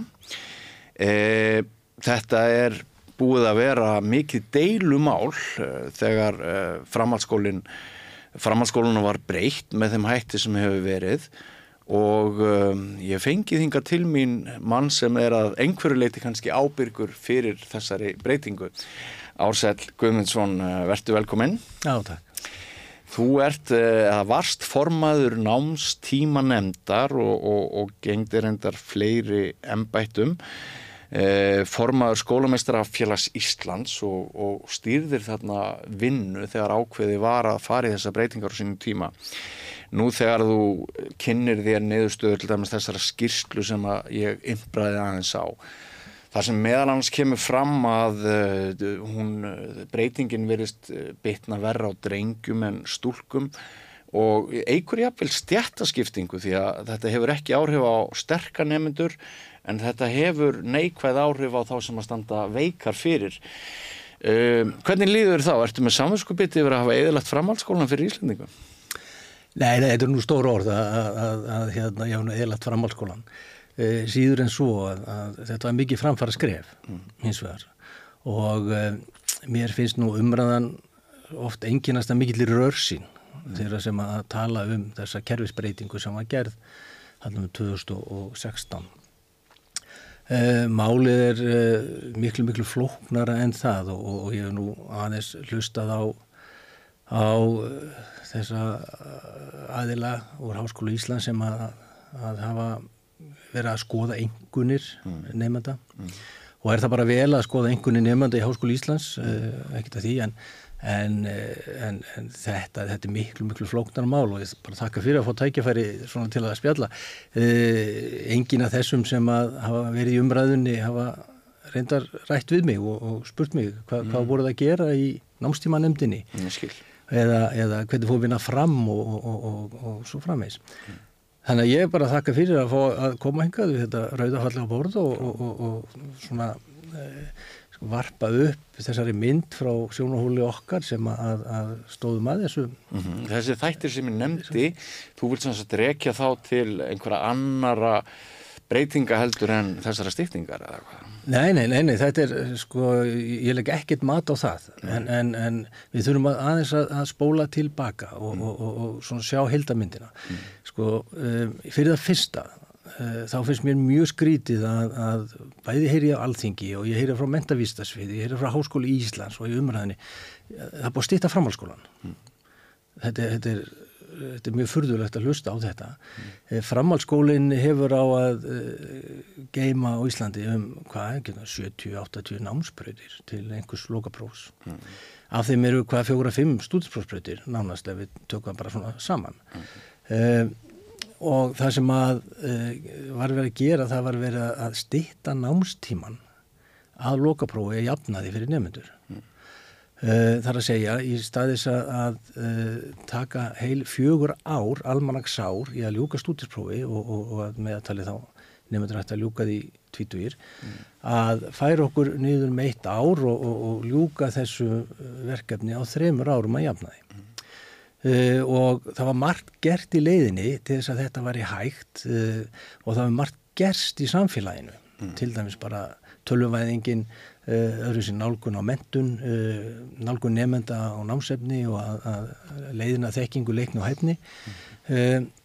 og við erum að mæta bara kröfum tímans. Mm. Þegar farið var í, í að, að stýta námstíman og það var fyrst rætt 1966, það var mentarskólanemndin á störfum og, og gerðir ansókn að þessu. Og nýðustaf var svo að það voru allir sammálu því að gera eins og á öðrum Norðurlandunum eða í kringum okkur að hafa þennan námstíma þrjú ár. En á Íslandi var ákveð býða með það vegna þess að þjóðfélagsaðstaf voru þannig að við vorum með smala mennsku og réttir og það var ímislegt að gerast við okkur og voru haust að eh, tímin innan almannagsálsins til þess að ljúka uh, yfirferðinni uh, næði ekki miða við önnu Norðurland þannig að það var að tala við um fjögur ár til að gera það sem hinn ger á þremur Þetta er löngulegin tíð, þetta er 1966 mm. og síðan hafa komið skýslu eftir skýslu 92-2003 og, og, og, og það er alltaf að byrja akkur verið við á Íslandi fjögur ár, það, við erum ekki lengur háð landbúnaðanum eins og aðeir áður eða, mm. eða þannig að, að þess vegna hefur umræðan alltaf verið aðláð okkur að því sem bara er gert í vestarna heimi. Á móti hafa komið umræður eh, nefnundu þurfa að hafa nægna tíma til að þróskast og það er svo gaman í framhaldsskóla kennar getum vist störfin sín og, og svona ímislegt Félagslíf nefnda Félagslíf nefnda og, og, og ég veit ekki hvað og hvað. Mm. uh, En allavega uh, sagt, uh, 2006 að þá er ákveðið að fara stað með nýjan mentarskóla eða framhaldsskóla sem sé fikk nefnum mentarskóli borgarferðar í Borganesi og það var enga skóli sem að þá spari svo mér síslu og, og, og sveitisvöld borgarfjörðar og fleiri aðilar, bara hlutafar í skólanum fóra stað með gegn því að skólinn er eh, þrjú árt í stúdinspróf á þess að skerða gæði námsins mm. og uh, ég var ráðinn þannig inn uh, 2006 til þess að búa til þess að hugmyndafræði og, og fekk heilt ár til þess að, að, að koma með hugmyndafræðina þrjú, þryggjáðan átt í stúdinspróf Eh, og ráði sem starfsfólk inn í þessu hugmyndafræði og fara að stað og vann þetta með mjög góðu fólki í, í, í borgarfyrði, í borgarbygð og mentarskóli í borgarfjörðar fyrir sína stað árið 2007 og er búin að starfa síðan já þið getur reiknað hverju mörg ár síðan það var alltaf þrjú ár til stúdisprófs mm. og nefndu það að staði sér bara alveg feiki vel og ég held með þess að einn nefnandi þannig að hefði tekið stúdisprófi 17 ára og, og, og, og klára læknisvæði 23 ára, eitt svo yngsti e, sem hefur gert það mm. Ehm, þannig að það, að það má telja margt svona fram en, en sagt, þrjú vorti stúdisprófs var bara lungu, lungu orðið raunveruleiki mm. í annan stað að þá er búið að vera hér fjölbröta skólakerfi, mm. áfangakerfi frá 1978 mm. fyririndar en 1900 upp, uppundi 1980 þá fara fjölbröta skólanir flestir í gang ehm, þannig að nefnendur á Íslandi hafa geta lokið uh, stúdensprófi á þreymar árum, fjórum árum, fimm árum, sex árum mm. uh, sem að þeir hafa íðurlega bara gert. Mm. Uh, þannig að það var ekki verið að þrengja neinum eða, eða gera eitthvað annað heldur en að 2014 þegar kvítbókin kemur út Villu Gunnarsson er að fara að stað með að koma henni til framkvæmda mm. að þá er leita til mín sem þá formast skólamestarfélags Íslands og, og, og, og hafandi búið til mentarskóla eða framhalskóla með stúdisbröyti til þryggjára mm -hmm. til þess að koma því í framkvæmt og útgangspunktunum var að það voru bara rúmlega 60% nefnandi sem hefðu lokið einhverju námið til 6 ára veru í framhalskóla mm. sem að er, er náttúrulega sá allir þá að það, er að gera eitthvað og breyðast við því mm. nú Uh, á sama tíma var verið að, að breyta algjörlega um kjara samninga kennara mm. og nálgun uh, hvað var það vinnu kennara vinnumat kennara eins og var hafði verið einsnarði 30-40 ár mm. og, og, og framhálskólanir sérstaklega til raugin eftir 2008 því að breytingarna verða mestar í annámskrá og, og opna fyrir það að skóla getur þróast mm. svona uh, svolítið frjálst þar sé ekki eins miðlegt og var Uh, dreifstýning komið á og, og uh, það var þetta að þróa brautir og gera margskonar stúdurpröfbrautir margskonar brautir eftir áfengum og kannski ómikið frelsi en við skulum ekki ræða það hér. Uh, að, að þá var, var alveg fyrir sig að það er að breyta alveg hvernig vinnu kennara var hvernig það var því að þeirri vinnu var hátt að varandi kjara samlinga mm.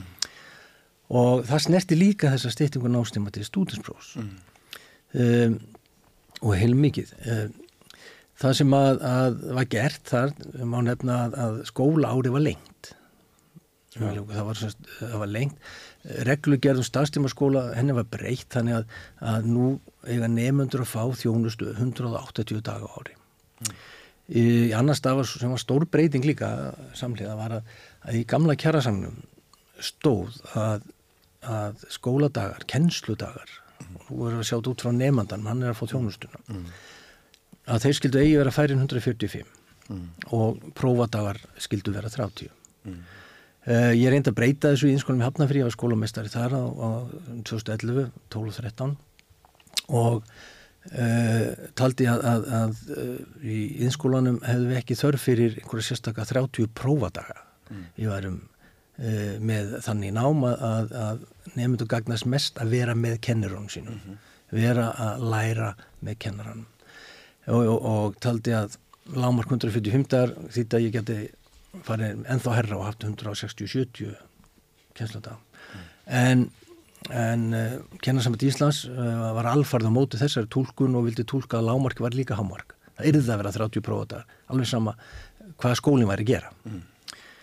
Og, og uh, það var rætt um að, að þetta yrði selt sem sagt í næstu kjærasamningum þessi prófatími og sem var í raun og verið gert að þann hátt að, að skilmiðli einhvers konar uh, kennslutíma og formlegs prófatíma þau voru tekinni burtu mm.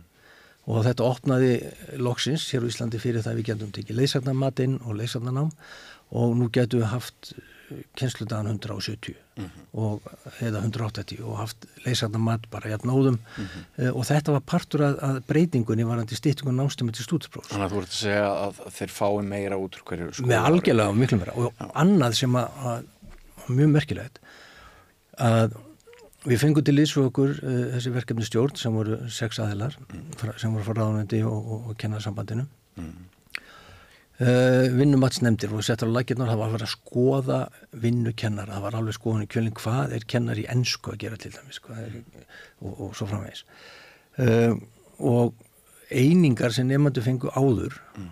þær fór eftir hvað, hvað kennarin kendi marga kennslustundir mm. þannig að það er kennslustundur viku hjá kennarinn gaf mér einu einingum mm. uh, nú var bara skorið alveg á þetta og sagt að það vinna nefnda sem skiptir máli fyrir þar einingar sem að færi í námi einingar er, er gjaldmiðlinn sem sýnir þína þekkingu leikn og hefni uh, og við skulum skoða hvað þarf nefndin að leggja marga klukktíma að vinna á sig í hverju fæi til að fá eina einingu. Og það var niðurstað að, að það er uh, um, að meðatæli 21 klukkstund gefur einn einingu. Og þá er vinna nefnda er vinna við að gera verkefni vinna við að vinna heima e, sýti kjænslustund mm. e, taka út í násmati e, þar að segja getur verið munlegt prófa getur verið þar að segja násmat er ekki aflægt og formluð prófatímin getur farið burtu þá er þetta násmat allan tíman mm. þannig að, að þessa breytinga voru alla settar inn mm. og, og, og af því að þjóðfælega er að breytast af mm. því að tæknin býður upp á þetta saman og nefnandi geti náð sér í þekkingu því að það er nefnandi sem var settur í, í svisljósið hans vinna, hans mentun Ertu vissum að það hafi ekki verið hagsmunir aðtunulífsins sem að reyðu næsta breytingar? Nei, ekki þannig ekki aðtunulífsins, e, ekki hvað þetta var þetta er svona meira pedagógisk nálgun og Harvard skóli var líka samanleiti bara háskóli að hætta með þessi fórmlega prófatíma sem að þetta er tímasón mm. uh, og sérðu bara ef við nefni tímasón að sko ég með hundra sérfræðinga mm. með mistragráður. Og ég ætla að láta að vera því 30 daga þeir, þeir búið til spurningar og kannski afrita spurningar þá frá því fyrir og heiti fyrir og heiti fyrir nefnundur sendir heim, lesa og lesa, lesa koma, svara spurningunum kennaði sittur yfir um og horfir á það meðan og, og, og fer svo yfir og leðrættir mm. og, og þetta eru dýrmætustu starfkraftarnir og sem eru sko fyrir nefnundunar og mentununa þannig að, að ég hef alltaf verið á þeirri skoðun eftir að ég var að búið til mentarskóla borgarfjörðar og sökti mér unni þetta að, að leiðsagna mat og þessu væri það sem að skipti nefndamestumáli mm. og, og formlegu prófatími hann væri bara úreldur mm. hann, hann gæfi nefndum ekki þar sem að við getum gefið honum með öðru kerfi mm. en hvað um það? Uh, á þessum tíma 2014, 15 og 16 þegar þessar breytingar eru nú uh, sett hann fram að þá var þetta allt sett fram og, og, og uh, skóla samfélagið að, að taka hann að bolta og uh, nota hann til að breyta uh, kjenslinu og kerfinu þannig að gæði námsins í, til stúdarsprófs það myndi ekki minga mm.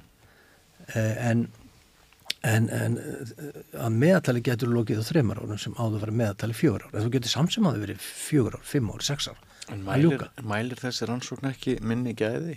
Nei, nei, nei, nei, alls ekki. Ég kem að því kannski að, aðeins og eftir. En akkur ekki bara núna? Já, sko, rannsóknin, að því að, sko, uh, ég verði að segja hvað gerist síðan. Okay. Því að þetta var það sem var upplegið. Já. Og, og við komum á Háskóli Íslands og, og, og þeirri frustrasjón sem að þar er, þetta er bara frustrasjón innan háskóla sem við erum að sjá, er svona byrtingamind uh, þess. Hvað er frústrasjónin háskólans? Jú, að, að fá inn allt annað nefndahóp heldur en fengu áður. Mm. Málið er að flest allir skólar í Íslandi er áfangaskólar og nefndu geta ráðið námsraðanum, þeir geta farið hægar yfir, tekið ráðu upp einingunum sínum, áfangum tekið 25 einingar eða 33 eða 40, eða kannski ekki 40, það er alveg mikið en, en allt þetta er hvað er að gera. Það sem að kemur í ljós, og ég var að tala um vinnumatsnefndin ráðan, eh, er að þegar við mældum vinnu í einstaka námskreinum hjá nefnda, í einstaka skólinn sérstaklega mm. uh, og, og, og, og við tókum bara MR sem dæmi sem að leggja mikið upp úr mikill í vinnu að sko þá fengur nefnendur uh, fyrir 105 tíma vinnu áttu að fá 5 e- námsreiningar mm. en með við vinnuna sem að lagt á nefnendu þar mm. þá ættu að fá nýveiningar no. þar að segja og ef við tökum öll fögin og allir kennarar gera svona að þá eru nefnendur að fá 30 einingar fyrir vinnuna en vinna sem er lögð á þá ætti að skila þeim kannski 50 einingum. Mm -hmm. Það er að segja uh, það var engu breytt í sumum skólum og sérstaklega skólum sem að, að, að hérna, senda nefnendur í Háskóli Íslands mm. uh, það var bara engu breytt, ég geta sagt það hér og, og, og í, í, í held sem ég var svo mikil að að það var bara kert áfram með allt og mikið vinnu alveg nefndur mm. sem að skila sér ekki kvaliteti mm. uh, og svo kerði menn þetta bara pensum niður í þrjú ár mm. og breyti einhver. Þetta bara náttúrulega alveg ofbeldi hvert ungu fólki. Áttu ekki líka að fylgja einhverju peningar þessum breytingum sem ekki komu? Já, ég, ég held að sko peningas, það var ekki peningaskortur hvað þetta varðaði. Það, það var, það var ekkert sem að spilað inn í þetta. Ertu viss? Já, já, já. já, já ég var skólamestari. Ég hef heilt framhaldsskólakennar að halda því fram að, að uh, eh, mentamálar á þeirrar uh, þessara tíma, þeir, þeir hafi lofað einhverju fjárvitingum, tala við kennara þannig að það kemi eitthvað til. Það er sko, fjárvitingi sem var hugsuð inn í þetta var þannig að, að uh, það erði, erði færri mm. nefnendur inn í kernum hvað var það stúdisprófið mm. taka fram að sko framhalskólinn var ekki stittur allt starfsnám og allt annan nám mm -hmm. 60-70 uh, námsleiði til lokaprós var ekkit, því var einhver breytt um, en, en, en hérna uh, var hugsað að sama fjármagn kæmi inn eins og að uh, það væri fjögur ár mm. ánfram til stúdisprós þannig að, að skólanum voru að fá meira fyrir inn mm í reksturinn mm. uh, og það gekk alveg eftir og, og, og þannig að uh, síðan voru í mins mála að, að kennar vildu meina að þeir þurft að kenna hraðar og meira og, mm. og ég bara hef enga trú á, á því og með það sem við fórum í gegnum aðal vandamáli var að, að, sko, að kennar sumi hverjir, margir voru fljótur að breyta sér við erum alltaf með um 2000 framhanskólakennar og þeir eru mjög ólíkir og, mm -hmm. og flest allir voru dúlabreyðsir en, en eins og MR, hann bara neitað að breyta. Mm. og, og, og hérna neitað að, að endur sko allt námsefni, neitað að, að bara fara, taka upp prófin og breyta námsmatti Nei, nei, ég held að það nú breyst síðan þetta var sko 2016 og, og, og held að bara skólar halda áfram aðlæða sig og þróast og, og þannig að, að það sem gerist eins og það er og, og, og uh, tökum bekkjarskólan því að það er alltaf háskóli Íslands talar oft um bara eins og séu bara bekkjarskóla í Íslandi eins og séu bara kerfið hafi verið tekið fjögur námsónu í þrjú og, og bara en, en uh, ef við tökum það sem dæmi að þá, þá er alveg vita mála það eru mjög góði nefnundur í MR og Vestlunarskóla Íslands þar að segja að því leiti að þeir eru duglegar að fá háa rengunir Eh, góðir er náttúrulega svo tegilegt og huglægt eh, að, að, að nefnundur með lágarengun er mjög góði nefnundur Þetta eru elitu framhaldsskólar Nei, nei, þeir eru það ekkert. Akkur segir það? Að svo sé ekki. Þeir, sko, þeir eru ekkert elitu framhaldsskóla því að hugtæki elitu er, er svo svakalega stórt og tegilegt Elitu framhaldsskóli er sáskóli sem að mentar einstaklingin á ákveðnu tímabili mm. og, að, að, og það er virðisaukin sem að, að gerir því að eilitu skóla mm. en ef ég fæ nefnda sem að er mjög góðu nefnda með alltaf tíu engun og hann heldur ánfram að vera bara nákvæmlega eins þetta fjögur ár eða þrjú ár þá er kannski ekki virðisauki bæst við mm. og skólinn einhver bætt við -hmm. og langtíma rannsóknir uh, á mentavistasviði Jón Torfi Jónusson hafi nú farið fyrir því síndu bara fram á að, að góði nefnendur, það sé að þegar við erum að tala um góða nefnendur þá erum við að tala um nefnendur sem að fá háar engunir mm. í náminu sínu mm.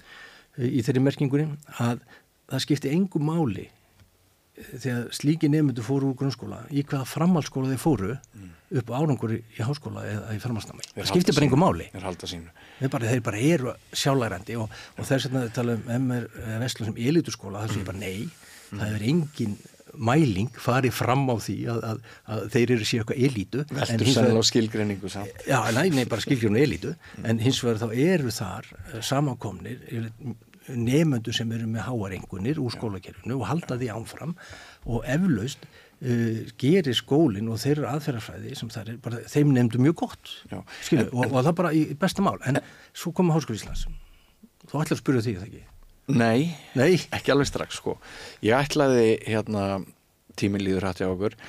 Um, sko, þú mér heyrðist þú áðan ætla að halda þig fram að gæði skólastarfsins hefði ekki rýrnað eh, Sko eh, gæði og eintak stúdisprósess mm. en, en hvernig skýrir þá sko að framlegð nefnda sér fimm einingum minni eftir þessa breytingu samkvæmt rannsókninni? Uh, aukin munur á kynjunum vera fyrir drengi og mér finnst kannski bara sem, þú veist, uh, Íslendingi við erum jú flest einhvers konar jafnar menn í, í okkar hugum við, við Íslendingar að minnskosti ennþá að, að mér finnst að ef, ef réttir að breytingin sko þessi sterkunemendur, þeir fljúi í gegnum þetta kerfi en hinn er veikari eigi erfiðar uppdráttar þá spyr ég mig svona hvað áttu við þegar þú uh, ert að tala um að gæðin hafi haldið sér? Jú, sko við erum alveg samanlega á háskólinn sagði það líka, sko, sterkir nefnudur þeir bara fljú áfram vegna þess að, að þeir eru ná sjálflærandi og, og, og, og bara þeir eiga auðvelt með þetta ná mm. Uh, þeir nefnudur sem að þurfa lengri tíma í sínum námi, þeir hafa lengri tími í framhálskólam það hefur ekkert breyst En bara sko, ef, ef þú bara ávarpar þessar niðurstöður sem að... Já, já, ég ætla að gera, ég, ég ætla að gera það. Já. Síðan náttúrulega, sko, en kannski að nefna fyrst að það er önnur rannsókn sem var gerð, mm. sem að er, er, er niðurstöðunar e, mjög hillandi og rannsóknar hillandi vegna þess að, Ingi Ólafsson, þávarandi rektor Vestló, mm. Hann sá þarna einstak tækjafæri í að gera rannsókn. Mm. Það er að segja, kannan nákvæmlega þegar brautskráfar Vestlandskóli Íslands árgangur eftir fjögur ár og um leið árgangur eftir þrjú ár því að það bara gerist einu sinni mm. það er bara einu sinni sem það gerist í þessari kerfisbreytingu mm -hmm. að við erum með raun og veru uh, nefnendur heilan árgang mm. sem er búin að fara í þryggjóra kerfi mm. og hann er brautskrást á sama tíma mm. og árgangur sem er búin að vera fjögur ár -hmm. Og þau gerðu þessa rannsókn og, og, og, og uh, náttúrulega bara einin spýtur ég held að það er ekki, ekki komið að því sem er skrítið en, eh, og, og báru saman einhvernir þessara árganga mm. sem að tóku sama mm. prófið mm -hmm. og það kemur í ljós að nefndunir þryggjarkerfinu voru með herri einhvernir heldur hinnir mm. sem er þá uh, stangast einhverju leiti á við Já en þarna eru við hins vegar með rannsó sem að sko eru nefndur fjórar eftir fjögur almagsár, eftir þrjú almagsár mm. og er að taka saman prófið e, í Háskóli Íslands sem að er að rannsaka nefnduna að, að sko Háskóli Íslands ég bara fullir að var algjörlega óviðbúin og, og gerði ekki neitt mm. þegar hann átt að sá því að, að jafnæði var hann að fá nefndur upp e, eins og úr þessum skólum eins og MR og Veslo sem að mjög margi nefndur fara ánfram í, í Háskóli Íslands og nefndur að, að þeir að fá 19 ára gamla nefndurinn mm. en ekki tvítuða mm. E, það voru að bera saman ári yngri nefndur En stjættaskiptingin breytingar sem uh, gera hérna viðkvamari enn viðkvamari? Já, sko, ég áttur að sjá hvernig þeir sjá að það sé stjættaskipting því að sko... Sterkir námsmenn, þeir fljúi gegnum þetta. Hinn er sem að hefðu kannski þurft lengri tíma fyrir framhaldsskóla árin aðeins um, Þeir fá lengri tíma, Þa, það er bara þannig að þeir fá lengri tíma. Og ég held að þessa breytingar uh, drengir eiga erfitt með lestu samkvæmt písa og eru langt á eftir stúlkum eh, og, og, og kannski er, er þetta þá bara þróunni sem er að koma í gegn og hefur ekkert að gera með stýtingu náttúrulega til stúdinsprófs. Það er svo margar breytur. Þú setur spurningamerki. Já, ég er bara algjörlega svo marga þjóðfélagsbreytur þarna en, en fyrst út að tala um stjættaskiptingu að það langar mér nú að nefna eitt atriði sem að, að svona, ég hef verið að benda á fleiri í skólamálum. Eh, það eru viðvörunarbjöllur fannar að ringja hjá okkur hér í þessu samfélagi. Og, og, og það er eitthvað sem þurft að fá meiri umræðu. Mm. Séu frá. Jú, þar að segja, við, þú talar um álaganum elíturskóla mm. þar að segja, væntalið þeirri merkingu að, að í ákveðin skólum eru nefnundum með mjög háar engunir úr grunnskóla. Já, er ekki líka ímislega sem bendir til þess að allir þessi rísorsar verslunarskólan séu meiri heldur en annara framhaldsskóla? Þar maður ekki borga þar á mellum 200 og 300 skall fyrir krakkan sinn og, og það er vantilega að skila sér í, í einhvers konar öðru námi, er það ekki? Jú Uh, svo ég haldi áfram það sem ég var að koma að sem að ég bara, ég hafast vanta meiri þjóðfélagsumræðum mm. það er að segja uh, það eru skóla sem velja inn sína nefnendur svolítið eftir einhvern mm. og þeir sem að standa besta við eru jú innfættir Íslandingar sem að búa við góðan efnahag, sterkan efnahag gott bakland og, og, og, og þeir eru líklegri til að, að hérna vera góðir násmenn og, og komið góðar einhvern úr grunnskóla mm. bara, veist, bara félagslegt, pinningalega og allt saman stiðu það mm. núna er samfélagið búið að breytast mikið og samfélagsmyndstur, við erum búin að fá fullt af innflytjendum, annar kynslu innflytjenda mm. og þessum að allar rannsónu sín og það er komið, þetta er verið í Englandi þetta er í Svíþjóðar, allstar þeir standa höllum fæti og uh, þeir eru við að segja þeim íslendinga þeir komist ekki inn í, í, í þessa skóla þeir fari bara í einhver aðra skóla. Meðal annars út að skorta á íslensku kunnáttu já, meðal annars út að skorta á íslensku kunnáttu þó að flugrind fólk já, já, þessum, og, og þá verður til ef þetta heldur svona áfram, við gerum ekki einhverjir skólar fyrir einhverja Íslendinga getur við sagt sem eru rótgrónir Íslendinga eru það MR og Verslu í dag? Já, já og, og, og hérna og það verður svona einhver, einhver svona skipting í samfélaginu til. Er hún orðin? Og, og, og já, sko, hún er að verða og ef við tökum bara England sem dæmi hérna 60-70 og, og þannig fyrir þegar mikið inflýtjandum voru að koma til England svona nýlendunum mm. að þá var yfirleitt talað við heyrum svona orðræði alþingi uh, við, ef það maður gerir eitthvað þetta fólk mm takk eftir, bara, þetta er ágætt að hafa þetta í huga. Að við erum að taka ákvörðin fyrir þetta fólk og við erum að, að þetta fólk þarf þetta og þetta þar, fólk þarf svona. Þetta, og, og við tölum að svolítið svona. Aðgreiningin er orðin. Aðgreiningin er byrjuð í, í, í svona huglagt í fólku ráðamanna.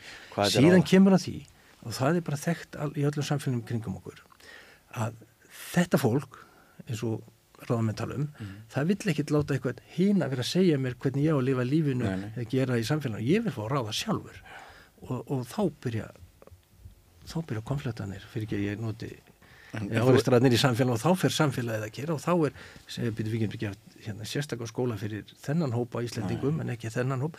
Og ég bara vara við þessu, ég bara segja við verðum að gera eitthvað fyrir alla Íslandinga, fyrir alla í samfélaginu mm. og hugsa um alla að allir hafi sömu möguleika en við þurfum að beita mismunum aðferðum og, og, og, og koma misjaflega til móts við fólk mm. eftir aðstæðis en ekki eins og við erum með í raun og veru svolítið samfélag eins og var þegar var að menta fyrir ennbætsmannakerfið og búið mm. sko. og veist, við bara við, við, við erum svo íhjálpsum að einhvern veginn í öðlokkar en við, við bara verðum að opna hugum fyrir þessu og, og, og bara mæta öllum sem búa hér á þessu landi Já. og gefa þeim sénsa Ársæl Guðmundsson, þú ert skólamestari Borgar Holtz skóla Já. Þakka þér fyrir komuna. Takk fyrir mig. Og uh, við höldum hér áfram eftir andatak. Erfileikar heimila verkafólks hafa hríð vestnað frá árunni 2021. Seks af hverjum tíu félagum í eblingu eiga nú erfitt meðan á endum saman. Hvernig getur við réttlætt það? Ebling stettarfélag. Baróta fyrir betra lífi.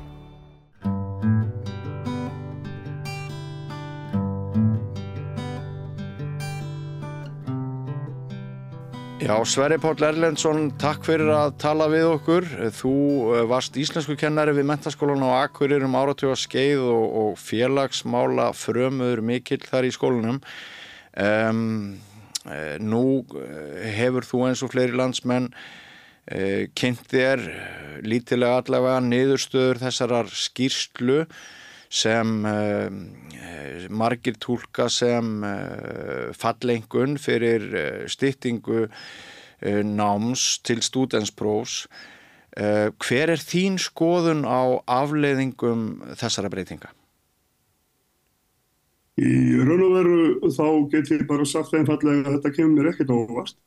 Þetta er eitthvað sem ég þóttist nokkur veginn vita fyrir þegar var farið að tala um þessa skerfingu á uh, námstíma til stúdansprófs og ég er endar var alla tíð á móti þessu og, og, og sá fyrir að þetta myndi hafa uh, þá sem mikil áhrif á nefnendur uh, sko takmarkið eins og það var gefið upp hjá ríkstjórnum var á sínum tíma að stitta nám til stúdansprófs þannig að, að uh, nefnendur gætu útskrifast til háskólanams 19 ára eins og mér skilist að það gerist í einhverjum öðrum löndum og líka að þeir kæmust fyrr út á vinnumarkaðin. Þetta voru svona einhverjar praktískar ástæður en ég hef ekki ennþá eftir öll þessi ár séð neina einustu uh, faglega forsendum fyrir þessu. Það er, það er ekkert kennslufræðilegt eða námsfræðilegt sem að hefði stutt þetta. Nú er það svo að uh, það hefði svo sem verið hægt að stitta þennan námstíma með öðrum móti uh, og við höfðum svo sem gert uh, ágættist tilrönni til þessi í mentaskólanum og Akureyri að taka við nefendum úr nýjöndabekk grunnskólana uh, og þeir stóðu sig alveg með, með ágættum í skólanum hjá okkur og það hefði alveg mátt hafa þetta þannig að nefendur kæmust úr nýjunda bekka eftir nýju vetur inn í, inn í, inn í framhaldsskóla og að leifa framhaldsskólanum að halda áfram að vera fjögur ára skólar. En um, það var ekki gert og það var svona ímislegt sagt eins og til dæmis það átti að flytja einhverja námskreinar úr framhaldsskólan niður í grunnskólan. Það var aldrei uh, neitt uh, að viti gert í því og, og í raun og veru þegar við vorum sett í það að, að, að breyta þessum fjögur ára skóla hjá okkur í þrjú ára þá var ansi mörgu þjappað saman og uh, við reyndum að gera þetta þannig að, að nefnendur hefðu út úr þessu þryggja ára námi hliðstæðan grunn eftir því sem hægt, hægt væri svona fræðilega og námslega séð og eftir fjögur ára námið. En uh, í öllu þessu glemdist í raun og veru eða var ekki tekið tillit til þess að einna merkilegustu þáttum í námi nefnda í framhaldsskólum hér á landi og ekki síst kannski í skólanum mín er, uh, er sem sagt það sem er ekki endilega á námskranni eða í kjenslubókum það er að segja að uh, sá þroski sem nefnendur fá af því að vinna saman að félagsmálum. Félagsstarfið í skólanum er svo gríðarlega mikilvægur þáttur og í þessu þryggja ára námi þá höfum við þrengtu mjög mikið að því. Uh, við heyrðum það sem að, að heyrðum í þessum nefnendum sem voru spurðir og, og, og hérna komið fram í, í kastljósi hér fyrir tveimur eða þreimur dögum að ein af rótum þessa þunglindis og, og, og, og og vannlíðanar nefnenda í framhaldsskólum er uh, svo að þeir eru reknir áfram eins og einhver sagði sko það er alltaf verið að láta okkur flý við höfum alltaf að vera duglega og við höfum að flýta okkur við fáum ekki tíma eða tækifæri til þess að vera við sjálf Já. og þroska okkur sjálf og mér finnst það alveg stórkostlega stórkostlegt vandamál en ég í raun og veru held að, að hérna Sko það voru bara einhverja fjárhagslega fórsendur fyrir því hjá ríkisvaldinu að, að, að, að styrta þennan framhaldsskóla og koma um hún í þrjú ár til þess að spara peninga. En það var ekkert hugsað um uh, námið eða velferð nefnda eða neitt þetta. Uh, það var bara því mér ekki gert. Og uh, ég verði að uh, rifja það upp hérna að um það byrjum sem að þetta skall nú á þá kom mentamálur á þeirra í heimsóknirna norður. Og nefnendur þrá spurðu hana um það hvort það væri ekki örugt að þeir peningar sem spöruðust við þessa stýttingu kæmu til skólana til þess að, að, að, að styrkja þá og byggja upp. Og, og hún sagði jú, jú, jú, jú, það verður öruglega gert. En það reyndist vera hauga líi því að skömmu setna kom í ljósa ekkert að þessum öðrum átti að koma tilbaka. E, sko, ég var að tala um grunnskólan hérna áðan að hefði verið hægt að, að hérna fá nefnendur, láta nefnendur úr, úr nýjunda bekk koma beint í framhaldsskóla og við skulum muna það að, að koma grunnskólunum yfir á sveitafélögin þannig að ríkið gæti ekki spara neitt með, með því að stitta grunnskóla mm. og hérna þess vegna var náttúrulega gripið til þessa Útrás... og í framhaldi þessu ef ég má uh, bæta von á þessa uh, jólaseríu að þá eru sko þá hefur verið að vinna að því núna hefur verið unnið að því núna uh, að sameina bæði framhaldsskóla og háskóla í því eina skýni að spara peninga. Þetta er bara spurningum að, að spara í rekstri. Mm. En sko skólar eru ekki fristihús. Skólar eru ekki versmiðjur. Skólar eru ekki sjóppur. Það er ekki hægt að reka skóla eða menningarstofnunir til þess að, að græða á þeim eða hafa af þeim uh, fjárhagslegan hafna. Það er bara ekki hægt. Verki í heiminn. Út frá sjónarhóli nefnenda við þann skóla sem þú þekki best, uh, mentaskólan og akkuriri, þá ertu að segja að lífsgæði og, og svona gæða tími frá nefnendum hafi verið tekinn frá þeim.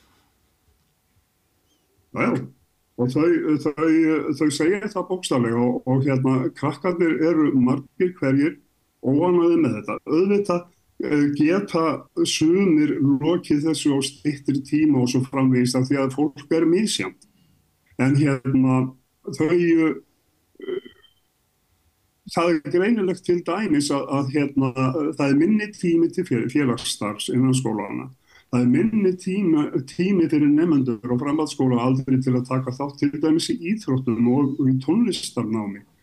Uh, nefnendum á framhaldsskóla aldrei í tónlistarskólum hefur til dæmis fækka. Og uh, sko þetta er allt saman orðið miklu, miklu erfiðara og þrengra og það þrengir að nefnendunum sjálfum. Þetta, það er verið að fara illa með þessa krakka því meður. Við hvað líkiru þessari breytingu? Nei, ég sko hef lengt mér oftar en einu sinna að kalla þetta hriðjuverk vegna þess að þarna er verið að, að, að vinna þeim sem ætti að vinna gagn, er verið að vinna þeim ógagn. Það er verið að, að skerfa, uh, hvað var að segja, mótun þessara, uh, þessara ungmenna sem þarna eru og uh, þeim líður ekkert öllum vel, þeim líður mörgum mjög ítla eins og við raunar sáum, sáum í þessum þætti þess að talaða við þessa fjóla krakka í kastljósunni hér um daginn. Sverri Páll heldur, heldur að það sé einhver leið að vinda ofan á þessu að, að hérna, breyta þessu aftur?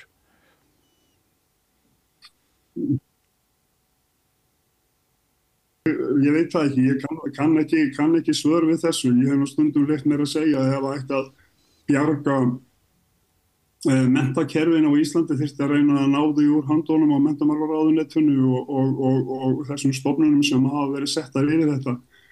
Því að eh, það er svo margt sko, eins og til dæmis það að það gleymist oft og íðurlega að sko kennarar eru sérfræðingar í námi og kennslu. Það er ekki talað við okkur. Það eru bara einhverjir fræðingar sem hafa náttúrulega lært einhver lifandi sóskop, kannski einhverjum útlandum og svo framvís, en hafa aldrei komið inn í skóla nema sem nefnendur og halda jafnvel að það hafi ekkert breyst í skólakerfinu síðan þeir voru þar sjálfur við nám. Það er ekki talað við kennara og það er ekki talað við nefnendur sem mætti náttúrulega tala verulega mikið við. Vegna þess að skólinn á að vera fyrir nefndurna mm. og uh, það er það sem skiptir máli. Sverri Pál Erlendsson, kæra þakkir fyrir að uh, vera með okkur frá Akureyri við uh, byggðum að hilsa norður um, og uh, gangi ykkur allt í hægin, hvort sem er við metaskólan á Akureyri eða aðrar stofnanir. Já, þakka þið fyrir og bestu hverju söður líka en málið er náttúrulega það að ég er flöggur hættur að kenna og get ekki haft áhrif á þetta en ef ég gæti það þá myndi ég alveg öruglega beita mér. Takk fyrir spjallið Björn. Hvernig getur við réttlegt að 60% eblingarfólks eigi erfitt meðan á endum saman? Ebling stettarfélag. Baróta fyrir betra lífi.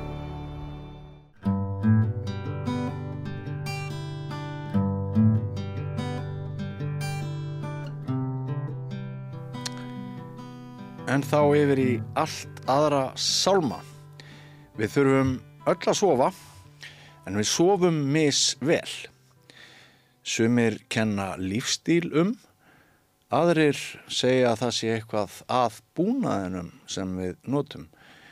Og ég fengið hingað í beina útsendingu í kvöld í þessum þætti, manni heimsókn, sem heldur í fram að það sé eitur í rúmdínum margra íslendinga sem hafi í förmað sér margvíslegar, alvarlegar afleiðingar. Vertu velkomin Vilmundur Möller. Takk fyrir, takk fyrir að fá mig. Þú hefur um nokkurt skeið uh, haldið á lofti dálitið sláandi og róttakri kenningu um það að stór hluti af rúmdínum sem Íslendingar sofa á og nota sé bara reynilega eitræður. Já, í raun og veru þróun síðustu kannski 30 ára er svo svampefni í svepuru komi held í fyrstunni kringu 1950 uh, og var svona vinsalt sem svona kaldsvampur. Svo hefur verið að þróa þetta meir og meir og meir meir í svona miktarsvamp og þrýstjöfnarsvamp og, og þannig. Mm -hmm. þannig að síðustu kannski 30 árin þá þetta, hefur þetta orðið svona e, þessi háþróaði svampur með enþá meira af e, svona útgufunarefnum kemiskum útgufunarefnum mm. og þetta eru svo kvöldu rókjörd lífræn efnasamband sem að þýðir að þau eru að losna alltaf úr fastaefninu e, svona hægt og sígandi en við liggjum svo lengi á þessu að að hérna, þetta getur haft mikil áhrif á okkur þannig að síðustu svona 30 árin 20 árin þá má segja að flestir íslýtingar séu farin að sofa með svampefni í efsta lægi í rúmdínu. Mm. Þannig að þróun hefur bara orðið þannig. Svampurinn er ódýrar heldur en þessi gömlu náttúrulegu efni eins og öllin mm.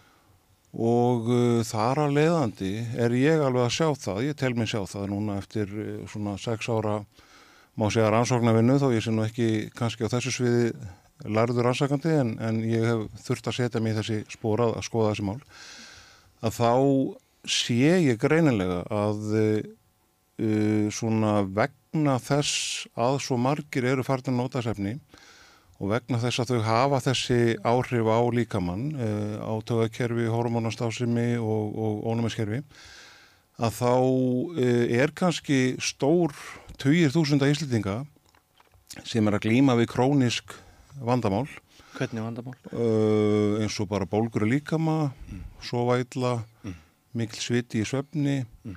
vakna eins og sér bara þunnur þetta fyllir í. Mm. er svona alltaf frekar svona lengi gang. Mm.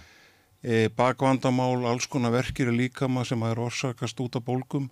Þetta er svona vægar í enginin þarna er ég alveg að halda þið fram að töyir þúsunda íslitingar sé að glýma við þetta og þetta er alveg, ég er að heyra frá læknum að þetta er alveg svona faraldur bólgufaraldur og nefstýplu faraldur uh, kona mig var eins og spurðaði hvort að hún væri svona kinnhólu pjessi mm. eins og þetta væri svona búið bú steimpla fullt af fólki sem einhverju kinnhólu pjessa og, og hérna og síðan yfir það að kannski hundruður eða líklega þúsundur íslendinga eru fárveikir, eru bara mjög slæmir af þessu. Svo tengist í raun og veru rakaskemdir mikla allt sem hefur mikil áhrif á okkar kerfi. Mm kemur svo í viðbútt þannig að ég er að hitta fólk sem er í mjög slæmi ástandi og ég er búin að tala sjálfur við þúsundi íslendinga sem að er að glíma við alls konar mm -hmm. og ég sé þetta alveg greinilega að það eru þúsundi líklega veikir og það eru tögþúsundir sem eru svona í skökku ástandi má segja sko. Já. Þú ert ekki læknir, Nei, þú ert ekki lífræðingur. Nei. Uh, þú hefur ákveðna hagsmuna í mál, að gæta í málunur það ekki. Þú ert sjálfur að selja rúmdínur sem eru þá væntalega betri rúmdínur en þeir sem þú segir að séu eitraðar. jú, ég hef hagsmunna geta Já. í raun og veru. Já. En Akkur ættu að trúa þér? þið eigi ekkert að trúa mér. Nei. Þið er bara að komast að þessu sjálf. Hvernig Þið gerir bara, er bara að hugsa þetta sem möguleika í ykkar lífi. Ef ykkur líður illa, þið eru með verki líkamannum, bólgur, mikið nætursvita, nefstýplur, hrótur, jafnvel kæfusöfn, vefjagektar enginni, liðgektar enginni, prófið þá bara plastadínun ykkar, þá hindrið þessa útgufun, seti jafnvel einhver ullateppi ofan á, bómullahlífalag Já. og komist bara að þessu sjálf. Ég bara leggja hérna fyrir ykkur svona ákveðna vísbendingar Já. og flesti sem ég tala við hafa uppgötta þetta sjálfur. Ég er að hjálpa þeim við það. Þess vegna fór ég að selja þessa söpuru.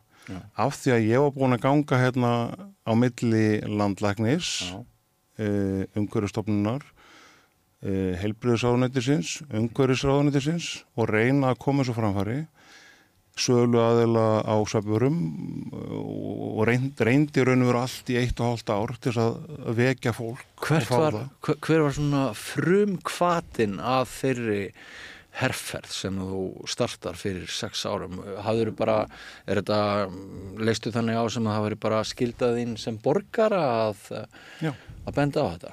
Og það er ekki fyrir setna sem þú ferð að bregðast við með því að, að, að, að versla með þess að eigindínur eða hvað? Já, ég er náttúrulega að sé það bara að ég er orðin fár veikur sjálfur. Já, Og ég- hjá þér. Ha, Það byrjar hjá þér. að byrja sem mér, fyrir raun og veru nákvæmlega sjö árum síðan, þá er ég farin að óttast bara lífið mitt. Akkord á þessum degi fyrir árum síðan er ég farin að óttast um lífið mitt.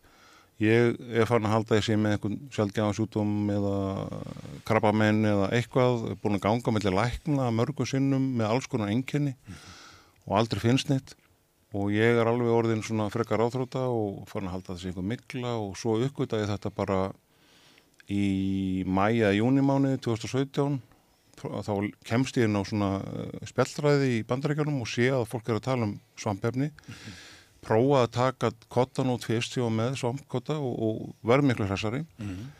Tek svo dínuna og skipti henn út og fer í eitthvað sem er betra. Verði ennþá hressari og ég er búin að uppgöta að, að þetta er sveppara sem er búin að vera að halda með svona slæ- slæmum. Stopna svo Facebook-hópum málið þarna um haustið.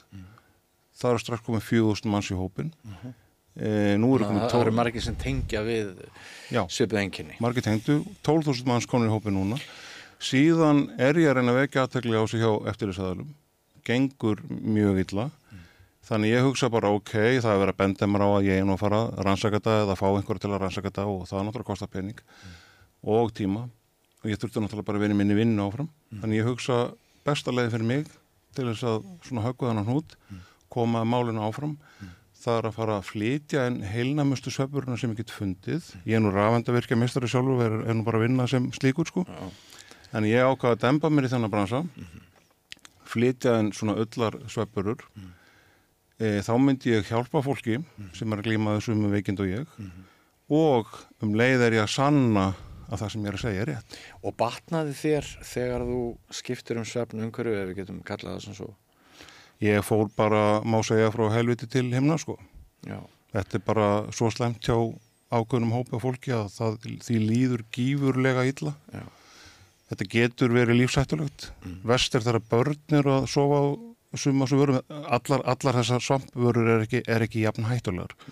Sumar virðast vera mjög hættulegar aðra svona sleppa fyrir hótt sko. En nú skildi maður ætla á árinu 2024 Já. það sem er svo uh, að þér virðist sumir hánu kvartað undan sko of háum öryggiskröfum og, og hérna gæðastöðlum og öllu því að, að hérna þú kannast nú væntilega við umræðum það að, að, að sko að við séum búin að færa öryggismörkin jafnvel of langt út Já, já. og maður skildi ætla að það sé til hellingur af góðum vístamönnum í heiminum sem væri búin að stoppa framleiðslu á þessum rúmdínum að það væri svona hættulegar. Maður skildi ætla að á Íslandi, og nú tala ég bara um Íslandi því ég þekki nú ekki heiminn að á Íslandi væri til mjög ströng reglugerð um svepurur, hvaða efni mega verið henni. Það er ekkert til. En Ari, Ari, hérna, þingmaður vinstri græta, hvað er hann, Ari Fyrirverandi, fyrirvandi, hann er hérna Ari Trausti. Ari Trösti, Já, hann kom með fyrirspurn á alþingi um þetta já. og það kom í ljós að það er engin reglugerð til. Rannsóknir á svefnvörum eru á skórnum skamt í heiminu verið störa. En er eitthvað sem segir okkur að það sé líklegt að rúmdínurnar sem eru notaðar hér á landi séu öðruvísi heldur en rúmdínur sem eru notaðar í öðrum landum í kring? Já, það er svona virðist vera, ég nú verið að tala við minn mann í Bretlandi, Englandi, sem ég, við kaupum okkar vöru frá og ég, ég var, var að ræða þetta mikið við hann og það virðist vera sem að, sem að sko breytarnir eru að halda mikið í þessar gömlu góðu framleyslur á svona bara hefðbundnum dýnum sko. Þannig að þeir eru ekki komnir eins langt í svampinum eins og við. Á Íslandi svona hefur þetta virðist það hafa orðið svona einhver trend að, að það hafa bara verið fluttar inn hérna svona heilsudínur og, og, og, og, hérna sögulegaðlar mega bara kalla dínundar sína heilsudínur og án þess að sanna að það er bæti heilsu. Og það eru þá yfirleitt þessar svampdínur þannig að það er eins og þessi þróun hafi farið miklu hraðar á Íslandi. Kannski að þegar við erum eiga farið sögulegaðlar og þá hefur þetta svona einhvern veginn farið hraðar í þessa áttu virðist vera heldur en annar staðar. Þannig að við erum svona uppgöta þetta vandamál á undan öllum öðrum sko. Já. og núna er hópur lækna tíu læknar á Norðurlöndum sem ég hef komist í sambandið að þeir eru að rannsaka þetta mál. Þeir eru byrjaðar að skoða þetta. Mm. og uh, þannig að þeir eru alveg að trúa á þetta. Og það er fullt af fræðingum sem ég hef talað við sem að er að trúa á þetta þetta sé möguleiki og sé líklegt. En það vantar rannsóknir á svepuru og mér langar að gaggrina svefnfræðinga sérstaklega. Þeir eru að benda okkur á alls konar hluti sem að geta tröfla svefnin. Hvítaljósið, áfengið, kaffið þeir minnast aldrei á svepuru ég er búin að taka eftir núna síðustu 5-6 árin fylgjast með umræðinni hjá þeim, íslenskum svefnfræðingum og sérstaklega þessum Walter uh, Matthew sem að gerði þessa frábæra bók Why We Sleep að hann er með alveg frábærar rannsóknir og frábærar nálganir á þessu öllu en minnist ekki einu orði á svepuruna og það er samt hún sem hefur mest áhrif á hvernig við svo og þetta er alveg stór undarlegt dæmi. Svona hliðarsæði í þessu máli að hérna ég hef upplýsingur um það að, að uh, báðar uh, sjónvarsfrétta stofunar bæði stöð 2 og, og ríksjónvarpið hafi hætt við að fjalla um þennan málflutningðin í miðju kafi að, að það hafi á báðum vikstöðum verið, verið búið að hlaða í frétt og búið að taka viðtal við þig var það ekki? En, en svo hérna hætta báðar þessa fréttastofur við að byrta e, komust fréttastofunar kannski bara að því að þú væri bara að bulla, þú væri ekki trúverðuleg heimild eða hver er þín skýring á, á þessu? Ég hef ekki fengið neina skýringur á þeim á þessu og ég er kannski ímyndið mér að einhverju hagsmunnaðilar hafi sannfart á um að, að láta þessi viðtöl falla niður. Ég, ég vil sérstaklega gagarina rúf fyrir að sem fjórðavaldi á Íslandi sem málsvara fólksins eh, fyrir að fella niður svona mikilvæga frétta því að þetta var svona í upphafi þegar ég var nýbúin að uppgöta það að þetta væri vandamál og uh, þannig að það var mikilvægt að sprengja upp umræðuna og, og, og setja bara allt í gang af því að ég var að sjá svo marga veika. Og þetta er raun og veru er bara efna faraldur þannig að uh, þeir ákveða svo það er Rúf til dæmis tekur þarna við með viðtal á tröppunum á Rúf Milla Ósk, fréttakona þá hún ræði við mig og allt í fínu og bara fín samskipti og allt síðan kemur það í ljós hérna setni part sama dag, þetta átt að byrstast í, í kvöldfréttum sama kvöld. Svo kemur í ljós bara þarna setni partin að, að fréttin er feld niður. Og hún vil meina að hún sé hérna tengt hagsmun aðilum sem að þau rættu við líka, raun og veru sögulega aðila Eh, þannig að e, þetta er bara felt niður og hún segir mér að e, það verði annar fréttamansettur í hennar stað til þess að þá klára málið. Síðan heyri ég bara ekkert meira frá rúf. og uh, ég reyni ítrekkað að ringja og senda tölupósta til þess að halda áfram með fréttina og ég sé þetta sem alveg risastórt vandamál og þetta hefur mikil áhrif á mig bara persónulega. Ég, ég er í raun og veru komin í ákveð, ákveði sjokk ástandi við því að vita á svo mörgum veikum og uh, þannig að þetta síðan er bara einhvern veginn virðist vera svæft hjá rúf, ég er bara hundsaður alveg uh, og fæ aldrei neins svör við því ákveður þetta var fælt niður í raun og veru nema þetta var svo eina útskýring sem ég fekk hérna að, að hún væri tengt hagsmunnaðalum þannig að þannig endar þetta og ég hef náttúrulega gaggrind rúf hérna fyrir þetta síðan. En ég hef samt reynd að setja mína orgu bara eiginlega alla í það að hjálpa fólki koma þessu áleiðis þessum upplýsingu þá í gegnum aðra fjölmiðla eins og ykkur og, og hérna samfélagsmiðla. Það hefur virkað best. Og umræðan á Íslandi um þetta mál er orðin mjög sterk.